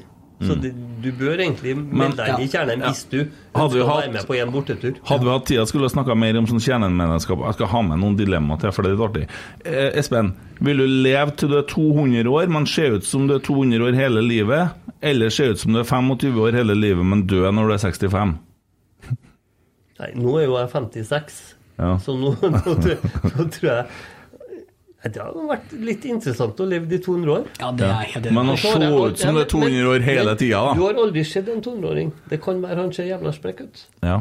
Det finnes ikke 200-åringer, så du vet egentlig Han ikke hva vi snakker om. Aragorn han var nå vel 135, han så ikke så verst Nei, 112, han så nå ikke så verst ut. Nei, jeg tenker det går bra. Hobbiter, kanskje. Ja, Tommy. Hår mellom tærne og litt sånn store fotene. Ja. det går bra. Emil, har du villet se ut som du er 200 år og levd i 200 år, eller? Jeg hadde faktisk gjort det. Jeg er så sykt nysgjerrig på hvordan det ser ut, da. Ja, ok. Ja. Enn du? Jeg er 25 med 65, ja. Ja. Lei Lei av livet, da. Sa jeg til henne. Da, da kan vi snakke om Så negativ har jeg vært. Jeg syns at livet er for langt, og sånne som deg gjør det bare enda lenger. Det er svart. Nei, men det, det er ærlig ytring. Ja. Ja. Eh, Odd Håkon sier Du vet den følelsen av å ha mista kampen i dag, for du må kjøre kjerringa til legevakta pga. rennræv og magesmerter, men så oppdager du at laget ditt spilte akkurat så bra som kjerringa di føler seg. Men, og man får samme symptomene sjøl, for du vet det er bare to uker til seriestart. Emil Almås. Hei, Emil. Eh, aldri mer få Stivert, eller alltid ha Stivert på butikken. Der kom han, ja. Ja. Nei. Jeg har jo ikke noe problem med å handle melk og brød for de øh, går med en liten en. Om du, har en frakk? om du har stiv kuk i fem minutter, hva gjør nå det, da? Mens du går rundt der? Det spiller ingen rolle. Og ingen som går og ser i skritt dit. Det er jo ikke noe problem, det. Det er jo bare å bestille en levering hjem. Kanskje så er det en perfekt sånn pick-up-line nå. Bare se hva jeg har. Pickup. Det er en liten dobbel eh, Tommy Olsen spør hva som skjer med laget. Hører det knall på trening og ser ut som en gjeng verpesjuke høns i treningskampene. Ja, vi vet jo ikke. Jo, det det vet vi. Herregud, nå må vi slutte. De er unge spillere. Ikke vant til å spille 3-4-3. Har to kjempetydelige trenere som vet akkurat hvordan det skal se ut. De kan ikke gjøre de tingene de er vant til å gjøre for å lykkes. De må begynne å gjøre nye ting. Det er klart det er skitvanskelig for dem i kamp. I Mm. tillegg så har de masse folk rundt seg som har høye forventninger. Dette kommer til å gå seg til, men det er ikke der enda. Mm. Og så skal vi bare ha med noe som vi kaller for pinlig stillhet. Vent litt. Det du sa eller hva, ikke gjorde eller gjorde, rødt kort gjemt deg bort. Stakk av for fort, i sekund pinlig stillhet er da fort gjort. Rotsekk. Det du sa eller hva, ikke gjorde eller gjorde, rødt kort gjemt deg bort. Stakk av for fort, i sekund pinlig stillhet er da fort gjort. Rotsekk. Og det er veldig, veldig enkelt. Det var du som ikke lyktes med å få Nidaros til å bli mer positiv, og det har de jo til gangs bevisst i dag. Med å slippe til saken fra Otto Olseth kan RBK unngå nedrykk. Da er det mørkt, da. Jeg tror Otto eh, har det mørkt. Jeg, jeg tenker at Han har det mørkt hjemme. I den herre stillheten Mm. Så skal vi tenke på Notto. Ja. For han trenger litt uh, Ja. Han trenger litt sympati per, uh, per følelse. Jeg vet hvorfor Otto har det mørkt hjemme. Ja. Otto var liten, så var han mørkredd. Men nå så har strømregninga blitt så dyr at han har blitt lysredd. Mm. Så han har slått av alle lysene. Så han går i mørket. Så han ser egentlig ikke helt hva han skriver. nei, jeg Det må være sånn, for det er jo så gærent som kommer hver gang Ja, nå er det bare rør med den fyren her. Vi tar tilbake at han var her som gjest. Vi trekker det tilbake. Uh, Skal slette episoden? nei, vi bare tar det tilbake. Ja. Ja, vi trekker det. Men jeg fikk lyst til å tenke på noe. Nå kan vi ikke ta den der eh, stillheten. Så vi kan Ja, tenke litt vi på tenker noe. litt på Noto. Ok, Ja. ti sekunder.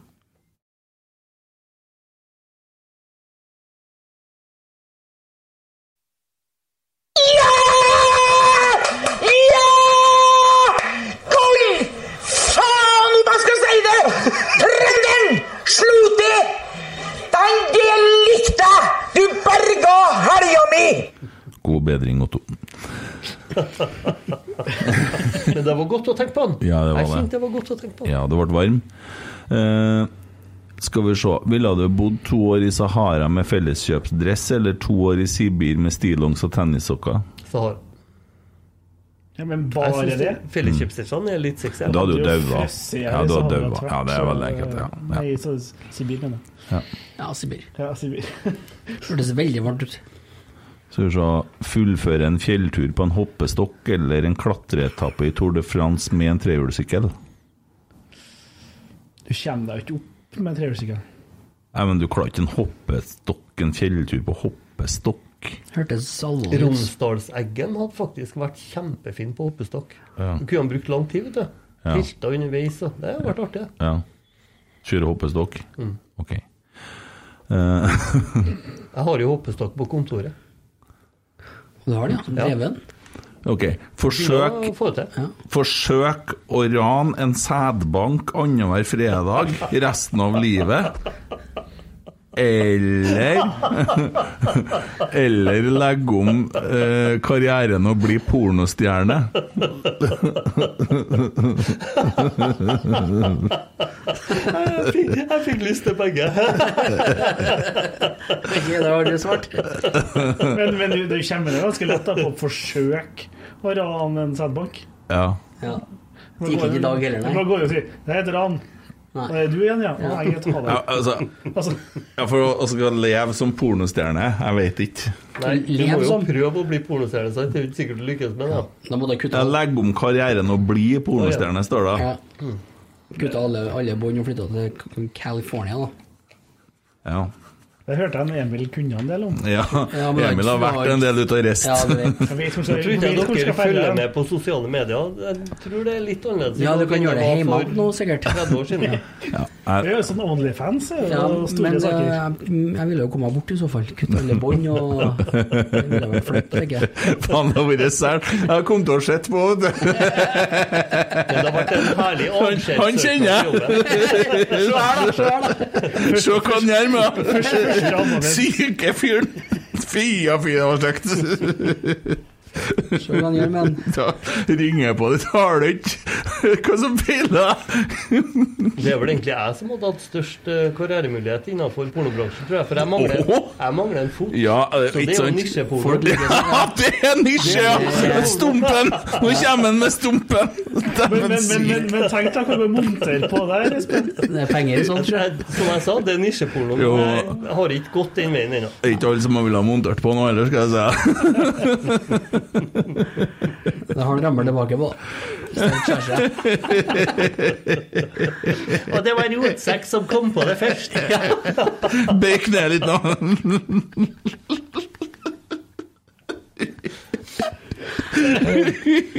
Spark det litt nå. Det var noen som sa at når du gikk over to timer, så begynte det å gå seg bort litt her. Uh, ja. Uh, baser inntekta di på salg av saft og boller i nabolaget, eller på å samle panteflasker? Nei, det er saft og boller. Ja, lett. Ja. Ti av ti. Styrer til andre der. Skaff deg stort nabolag, så går det fint. Ja, jeg tror ikke jeg orka å ta opp kampen med flaskesamlerne heller. Nei, ikke? alvor der. Ja, det er sikkert sånn territoriell greie òg. Nå er du på mine dunker. Aha. Få besøk av deg sjøl som treåring i ei time, eller 73-åring i ti minutter. Det siste. Nei, treåring. Nei, 73 år. Ja, det er litt spennende, det. Den treåringen kjenner jeg jo. og det vet jeg jo, men 73-åringen hadde vært litt artig å prate med. Vet du hva? Jeg har hatt forrige tilbake til den treåringen, så har jeg, hatt ei time på meg. Hør her. Hør her. Den lottotrekninga. 10. mai 10 000 kroner på dem i den 1984. Ja. Bare pugg det her. Husk det her. Husk på sånn par Noen enkle sånne. Veien. bitcoin før det Jeg tar hører- du på en annen treåring enn meg. Ja, Den treåringen som du skal prøve å lære et lottotall. Det har ikke nytta. Det har ikke gått an, nei. Nei, men du er optimist, det skal du. Ja, nei, hva skulle jeg ha sagt til meg? hold deg unna flaska. Nei. Du, din alkis. Hør på meg. Hør nå her.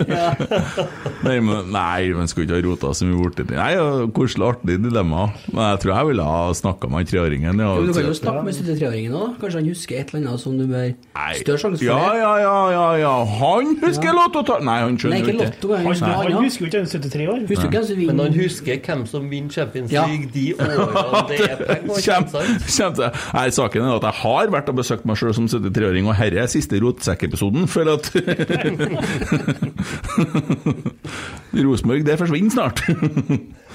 Nei, det er bra vi ikke vet hva som kommer i morgen. Eh, ok, her er en fin en. Papirkutt over penishodet eller en negl revet av. Negl revet av. Ferdig snakka. Tolv av ti. Ja, jeg, jeg jobber med papir. Espen nikker bekymra. Nei, men uh, Satan hørtes vondt ut. jeg liker jo neglene mine. Ja, men faen, den vokser jo ut igjen, den, da, så det er jo greit. Ja, skal vi se. Steriliser deg sjøl med en pinne, eller rens alle fremtidige sår og skader med Plumbo. Jeg er litt bekymra over Hvordan steriliserer jeg sjøl med en pinne? Nei, da må du jo få tak i strengen og rive Ja, den det, er det, det du må stappe inn og ja. Mm. Blir som en fiskekrok, det, vet du. Men Plumbo i alle sår, da. Nei, steike. Det dauer da, vet du, til slutt. da. Jeg tror fort det, altså. Ja. Nei, det der ble litt for drøyt. Lev for alltid som tiåring eller som 70-åring. Nei, det må bli slutt. Ja, for meg så er det enkelt. Det er jo jævlig artig å være tiåring. da. Det, jo, det var gull, det. Mm. Det var fint, det. Veldig fint. Ja. Men hvis du tar veldig godt vare på deg sjøl, Da er det 70, ja. så er 70-åring ikke så verst. Svigerfar han er 61-62 nå, ser jævlig bra Nei, 61. Ser bra ut, altså. Holder på å trene litt, og så bruker han litt sunn mat og litt sånne ting. Jeg tror ikke at det er noe problem for han å bli 70, for å si det sånn. 70 nye 50, vet du. Ja. Elnesen. For når jeg var ti Nei, dæven. Men, men, men tenk på det, 70, altså hvis du er 70 min, min, minstepensjonist, da. Mm. Det er jo ikke så fett. Hvor mye har du som tiåring, da? Nei, men tiåring så er jo alle døde er. Da kunne du jo leke deg, bygge Lego, gjøre litt faenskap. Dra på slang. 50 spenn i uka. Ja. Hele tida. Sitte i gulvet og se halv sju og spise at når du har vært tiåring i fem år, Ja. så hadde du vært så drita lei. Mm. For du hadde jo hatt så mange begrensninger. Ja, ja. 70-åring. ja. Jo, det er et godt poeng, det. Lærer du. Nei, men jeg tenker, Kent, det må du prøve en gang. Jeg jobber med saken. Bytt kjønn på et sykehus i Burma, eller ligge i koma i 20 år på Rikshospitalet. Jeg har litt trua på Burma. Jeg velger Burma. ja, for du mister 20 år, da, da blir det litt lite igjen, kanskje. Ja, det er ikke bra. Nei. Hva tror du? Jeg stoler i hvert fall ikke på Burma, så jeg går for norsk helsevesen. Du kjører 20 år i koma. Det er lenge, ass. Det skal jeg alle sammen ha kødda med når du har våkna. Vet du hva jeg har gått glipp av? Vi vant Champions League i fjor! Fire ganger. Kvinner. Uh, skal vi se Ja, enkelt, da. Vaniljesaus på kebaben eller kebabsaus på vaniljepuddingen? Kebabsaus på vaniljepuddingen, det må jo jo, litt sånn spice. Ja, men jeg tror vaniljesaus på kebaben Ja, det tror jeg litt spicy. Nei, det Den, forsvinner litt inni der, den, Ja. Gjør Å, jeg blir dårlig, jeg. Ja, det funker bra, ja. Kan jo ikke tulle med kebaben. Jeg hadde en runde med, med stebarna mine for noen år siden. For at eh, han Rasmus og verdens beste venn synger jo dette eh, sjokoladepudding med med sjokoladesaus. Vi, vi prøvde den varianten. da. Mm. Fiskeboller med sjokoladesaus. Det funka veldig dårlig. Gjør det, ja? Ja. ja? det kan jeg se for meg. ja. Utrolig dårlig. Ja. Puss tennene med høytrykksspyler eller tørke seg i ræva med rasp. Kan jo stå langt unna høytrykksspyleren, så går det fint, da. Greit trykk der. Åtte var rett i kjeften. Hvis du monterer en time til unna, så går det jo fint. Ja, gjør faktisk det. Gjør jobben nå, det. Ja, jeg tror jeg foretrakk den. Uh, siste, eh, og veldig enkelt egentlig. Hvis du kutter av deg fingeren må holde fingeren i kroppstemperatur, putter du den i pumpen eller i munnen? Det er en sær person som stiller det spørsmålet. Ja, for det er veldig enkelt. Ja, det skal ligge i munnen, Ja. men du må ha biten i munnen òg. Jeg har aldri, jeg har aldri hørt om noen som har pakka fingeren som de har kutta av seg i ræva. Nei. det, det, det er sykt, det! Men må, Kjem, må kjem på sykehuset, hvor er fingrene? Vent litt. Ja. Jeg trenger litt hjelp. Eh, men er det, er det sånn det er? Du kan ikke legge det under arm, armhula, liksom? Jo da, jeg hadde en uh, svigerfar som kappa seg fingeren med øks. Jeg tror det var øks. Ja. Uh, oppe i Holtålen. Og han kjørte på sykehuset etter å ha surra rundt uh, det som var igjen, og de sydde på. Ja. Så det funka, det. Mm. Hadde han den i munnen? Nei, nei, nei. I, pla i plastpose. Hadde Ja, med seg. selvfølgelig. Men han tilhører nok en gamlere generasjon som kanskje så litt enklere på ting enn hva Jeg tror ikke det er like lett for dagens uh, menn og kvinner å gjøre det samme. Da. Mm. Det få burde med ha seg fingeren, mener du? Ja, så bare pakk fingeren inn i plast, og så kjør til byen og få den sitt på igjen. Jeg tror det har blitt Ja. litt mer luftambulanse i dag, for å si det sånn. Ja, det kan vi kanskje. Ja. Nei, men det var dilemmas. Uh, Skulle du ikke krangle mer, det her? nei, altså, ja. Faen, ta det rotsekkopplegget. nei, men vi er da vel egentlig Så jeg må jo konklusjonen være den at trollprat og rotsekk ønsker vel egentlig det samme, men vi ser ting litt forskjellig noen ganger, og det er noe sannelig bra. Hvis ikke så har vi nå vært samme podden. Jeg tror det er så enkelt, det for at vi, Ja. begge ønsker jo at Rosenborg vinner. Mm. Og det er jo det alle, alle Rosenborg-sportere også ønsker. Jeg ønsker at Rosenborg skal vinne. Ja, ja, ja. Mm. Så er vi kanskje uenige om uh, veien til målet, eller hva som Ja. Ja. Jeg må innrømme at jeg liker de to podkastene veldig godt. Men så må jeg òg innrømme at for tida nå så hører jeg mer på Rotsekk. Fordi Trollprat har holdt på ganske lenge.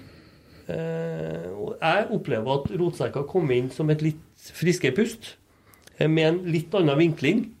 Eh, men jeg tror at uten trollprat så hadde det vært eh, Da hadde det blitt feil. Så jeg tenker at det er en form for balanse i det. vi hadde ikke eksistert hvis det ikke hadde vært for trollprat, for det var en Rune som hjalp oss i gang, og han Nei, som forklarte meg hvordan jeg skal gjøre ting, og begynte å kjøpe utstyr, og vært så hjelpsom og en jævla fin fyr. Rune er en fin fyr. Ja. Han skriver supporternes mann på banen hvert år. Han fortjener Ja. det. er veldig bra. Og så er det noe med at man ser ting forskjellig, og så er det Men jeg opplever at jeg kan så lite om ting.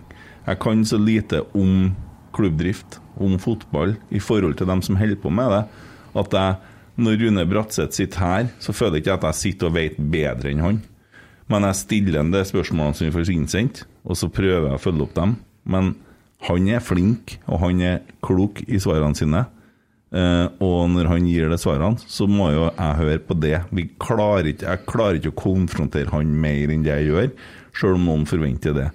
Og sånn kommer vi alltid til å gjøre det, for at vi ønsker å være en litt sånn feel good-pod der vi på en måte fremhever gjesten. Siden med Tore Strømøy, nå ødela han kanskje litt mer for seg sjøl. Men vi, vi gjør ikke noe galt mot en Tore, sant? Uh, han er jo en kul fyr, han òg, med bra meninger og sånne ting. Artig å ha i studio, og ble en artig episode. Men grunnen til at vi starta med dette, var for å øke engasjement for Rosenborg, og kanskje at vi kunne hjelpe noen til å komme seg på kamp. Og det har kanskje vi fått til. Om ikke så mange, så tar vi én og én. Og det er nå det vi hjelper med. Sånn ser vi det. Og min overbevisning er at det er å prøve å ha positive vinklinger. Og jeg syns jo generelt at, øh, at øh, hvis man ser på Twitter spesielt, da, og Facebook, når du ser på supportersidene, hvor svart det er om Rosenborg, og da blir jeg lei meg. Men jeg kan jo være forbanna på Rosenborg og ha frustrasjon. Men så blir jeg litt som en bror, da, som du kan jeg kan si stygge ting om broren min, men hvis noen andre gjør det, så blir jeg forbanna. Eller du sa det om kjerringa en gang. sant? Det er litt sånn om, om klubben òg. så, så Ja, det altså, det blir veldig sånn rotsekk-trollprat at head to head der nå, da. Men det, det, det er jo, blir jo veldig polarisert via lyttere. Spesielt på jo, jo, Men å si at vi sånn. er for positive, da må de jo høre på episodene fra i fjor på herre årstida, hvor vi drev og snakka om, eh, om eh, han Gunnar Valsvik, som vi kalte han, og Mm. sånne ting. Det var ganske mørkt, altså. Og Erik Botheim òg. Og vi renta hardt, da. Adam. Men Ja. så, så ser jo det at det blir sånne skyttergraver, er jo litt sånn tendens i samfunnet òg. Samme, samme hva du diskuterer, Mm. så er det, Du har bare to sider av en sak. Det finnes ikke noe middle ground der. Nei, for det det er enten eller. Ja. Og det er altså samme Ja, diskutere bomring, eller diskutere Rosenborg, eller Mm. hva faen, så er det Det blir alltid skyttergraver med en gang. Mm. Så kommer man seg ikke opp i det hele tatt. Nei. Og, og da begynte jeg å tenke i uka som var faen, skal vi kanskje slutte å ta med spørsmål fra Twitter og bare begynne å ta med spørsmål fra Facebook og Instagram? Så hadde vi en liten samtale om det, da. Eh, fordi at jeg, jeg blir litt Men så er det noen som mener at folk må jo få lov til å være anonyme hvis de vil det. Og det er jo greit, men jeg syns det er veldig vanskelig å sitte og diskutere med folk jeg ikke vet hvem er. Jeg bruker i hvert fall ikke Altså, jeg har ikke tida til å sitte i mange timer om dagen og diskutere med folk som da begynner å tillegge meg meninger, eller som sier at noe er som jeg ikke syns at det er. Og da er vi nå uenige om det, da. Men da er det jo veldig enkelt, for da er det jo bare å slå av. Sant? Og gjør ikke, vi gjør ikke dette her for å være trollete. Og hvis jeg skulle ha gjort dette her for å bli populær, jeg så ha, altså, Jeg spiller jo gitar og synger. Og Men det, du har da oppnådd det? Ja, men, jo, jo, men altså Sånn, ja, ja. Jo, men det, han, altså, det har jeg jo sagt til en Tommy òg, som styrer Twitter-kontoen vår. Ikke driv og del så mye rotsekkskryt, del Rosenborg-skryt, for vi skal fremme Rosenborg, ikke rotsekk. Og nå har jo rotsekk fått en viss størrelse, ikke sant? Og det er jo hyggelig, det, for da er det mange som hører på, og da kan vi på en måte kanskje påvirke noen til å komme seg på kamp. Men meg som person Jeg spiller jo gitar og synger og skriver sanger og gir ut og sånne ting. Og så er det litt sånn om å få til litt sånn popularitet der. Og det er jo klart at når du har laga den sangen, da, så skal du jo ta på deg blårusehatten etterpå. For du skal jo selge den sangen. Og så skal du sørge for at at øh, folk flest hører den. Og det er jo vanskelig, for det er så jævlig trangt. Men felles så kan vi ha et mål, og det mener jeg alle som er glad i Rosenborg. For at folk flest i Trøndelag, i Trondheim, har ikke vært på Lerkendal før. Det bor 200 000 i Trondheim, og de som er på kamp, de kjører fra Fosen og fra Nord-Trøndelag på kamp. Og så er det kanskje 5000 som er fra Trondheim. Da er det 195 000 igjen som ikke, som ikke er på kamp. Og så får vi tak i ti av dem, da, så er det fullt på stadion. Hvor, hvor mange av dem tror du har ønske deg om å være på Lerkendal? De har ikke vært der før, så de vet ikke hva det er. Nei, men du, du, du det, det, så, husk på det, alle sammen liker fotball. Nei, nei. Det, det er også viktig å ta med seg. Sånn, Jo, det forstår Du jeg. kan, du kan ikke få med alle. Nei, jeg forstår det. Du må få Men- med dem som faktisk eh, har interesse for Ja. for fotball. også. Men en Skjalg lærte meg noe lurt her. Når jeg holder på med musikk, så eh, får du litt kritikk noen gang, sant? Det er jo alltid sånn. Det beste tida er egentlig når du har laga sangen før du gir den ut, for da kunne du kose deg med den sjøl. Jeg mener det. Eh, og det er jo ikke sånn at jeg lager bare snill musikk. Jeg har sånn undergrunnsmusikk, jeg òg. Sånn band som ingen vet av. Er Under 1000 streams er kjempebra for dem som er litt mørke. det er sånn uh, mye rock'n'roll, da. Uh, men nok om det. Uh, han sier det finnes folk som hater det du gjør, og det finnes folk som elsker det du gjør, og det finnes folk som ikke bryr seg om det du gjør. De som hater det du gjør, dem kan ikke gjøre noe med. De som elsker det du gjør, bør du heller ikke høre for mye på. For da begynner du til slutt å se deg litt i speilet? Så begynner det å bli litt sånn. Det er ikke bare bra, det heller. Men de som ikke bryr seg, som ikke vet om det, dem kan du få gjort noe med. Noen av dem. Kanskje. Og dem må du prøve å få tak i. Og da tenker jeg at det finnes masse folk i Trondheim som sikkert har hatt en fin opplevelse på Lerkendal, hvis jeg bare har gått dit. Eller i Kjernen. Hvis de bare har gått opp der og stått sammen med Kjernen og skjønt hvordan det er. Dem kan vi få tak i noen av. Men det er et godt poeng, for i alt utviklingsarbeid så, så sier vi det er 15% som alltid er mot. Ja. Og så er det 15% som alltid er for. Ja. Dem er ikke så mye å gjøre med, for det skal så himla mye arbeid til for å påvirke dem. Ja. Men de 70% som er imellom, Ja. det er dem det handler om. Og vi, har alt, vi, vi er nok litt for opptatt av de her ytterpunktene, og det tror jeg skyldes tida vi lever i. At ytterpunktene blir løfta opp for det selv. For jeg Mm. tror nok vi er veldig mye mer påvirka av det dette mediestyret rundt oss enn hva egentlig er bra. Ja, Eh, blir- Men jeg har bare lyst til å si én ting til dere, da. Mm. Eh, Trollprat og rotsekk. Og det er noen kloke ord fra en gammel mann som døde her for ikke så lenge siden. Enhver gruppering som begynner å konkurrere med seg sjøl, er garantert å tape. Mm. Så jeg tror jo at spenninga mellom ulike grupperinger er helt genial. Fordi forskjellighet gir utvikling. Mm. Men hvis det blir konkurranse Og jeg føler av og til at vi konkurrerer litt om å vite om en Kjetil lykkes eller ikke, og at vi av og til da føler at det er litt godt at han ikke lykkes, for det var det vi sa. Eh, jeg tror ikke det er noe særlig bra. Altså, Vi kan ikke konkurrere for mye med oss sjøl, for det taper vi på alle sammen. Og jeg tror, det tror jeg er kanskje den Det er kanskje ulven oppi her. For Mm. hvem tjener på at vi konkurrerer med oss sjøl? Mm. Vi bør egentlig ikke det, men vi bør akseptere at vi har forskjellighet. Mm. Og vi må tåle at alt sammen er med og bidrar til større oppmerksomhet. For det kjipeste er jo dem som ikke bryr seg. Mm. Jo, og jeg tenker på at hvis vi prøver å få tak i nye folk, da, så sitter en Petter Rasmus og skriver eh, mindre folk på stadion, og så sitter en Du får eh, ikke være med på tur, du heller. Sitter en Nei, nei, men det tror ikke jeg har fått lov av. da Jeg hadde sikkert blitt med han spurte Det er noe annet. Jeg tror han til det, vet du. Bare for å kunne gått og jobba hull i hodet på den hele turen. Så hadde han vært positiv når han kom fram. Så snudde han, vet du. Eh, og så uh, har du uh, er han? Så har du Marius Dahl som finner annet. Eh, finner en polakk på SalMar-akademiet som er klikkolf og som er sint på treneren sin og forteller at det her er det verste han har vært borti. og sånn. Men så sitter noen i Trondheim kanskje vurderer om de skal gå på kamp, da.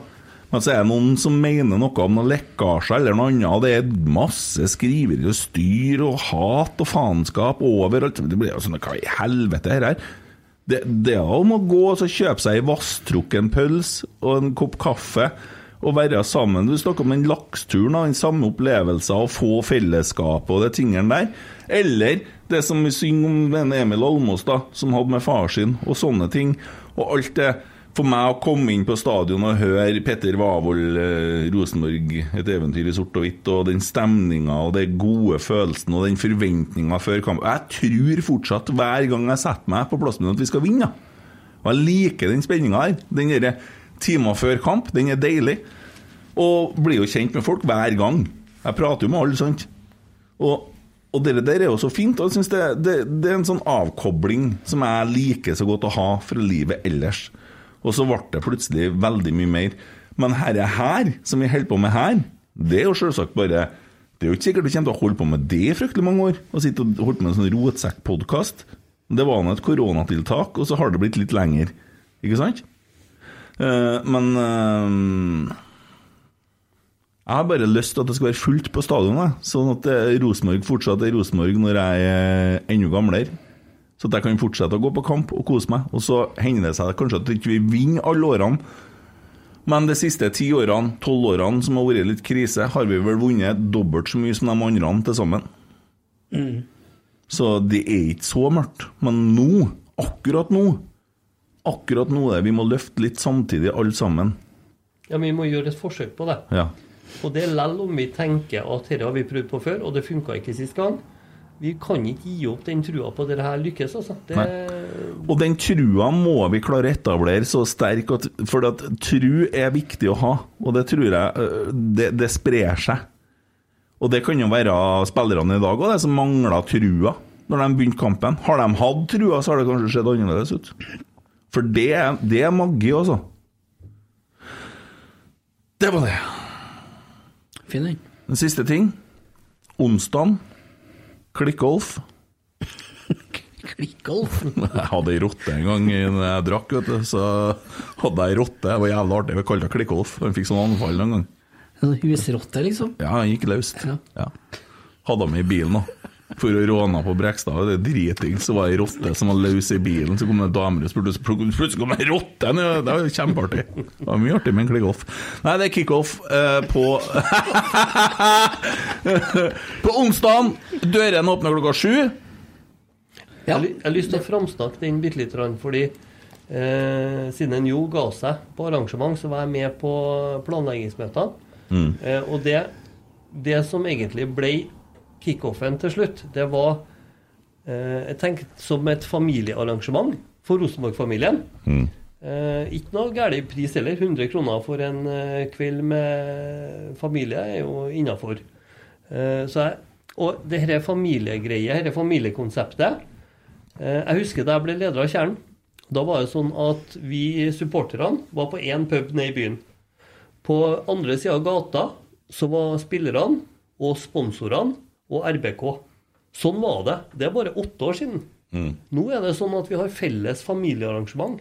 Så jeg tenker at vi har faktisk kommet en god vei, eh, som jeg tror det er litt lett å glemme. Eh, men vi har faktisk kommet en god vei i det å være mer sammen. Og da, da slår det som en Erik sa, eh, sa inn, at når vi skal snakke sammen, hvem snakker vi med da? Snakker vi med dem vi snakker med hver jævla dag, så blir det akkurat det samme. Vi trenger å snakke med hverandre. Så jeg tror det er superfint med en kickoff der spillerne er, der det, blir, det er en god ramme rundt kampen, der noen gamliser kommer for å synge om det som har vært, og noen uh, gamliser kommer for å synge om det som skal bli. Vet du, dere der, dere der jeg, jeg har blitt faen meg paranoid, og jeg må ta meg sammen, at det blir sånn der eh, Jeg har heller ikke skrevet sangen der for å være slem med noen, men den har, den har jo slått an. Og det er, noe, det er jo hyggelig hvis man kan bidra til noe nytt, men det, det er faen meg sånn at jeg gruver meg litt, vet du. For Det er sånn at noen- ganger så har han følelsen på at nesten sånn at folk snur ryggen til deg når du kommer og skal gjøre det, men det håper jeg da inderlig ikke. da Det er faktisk urpremiere live. Ja.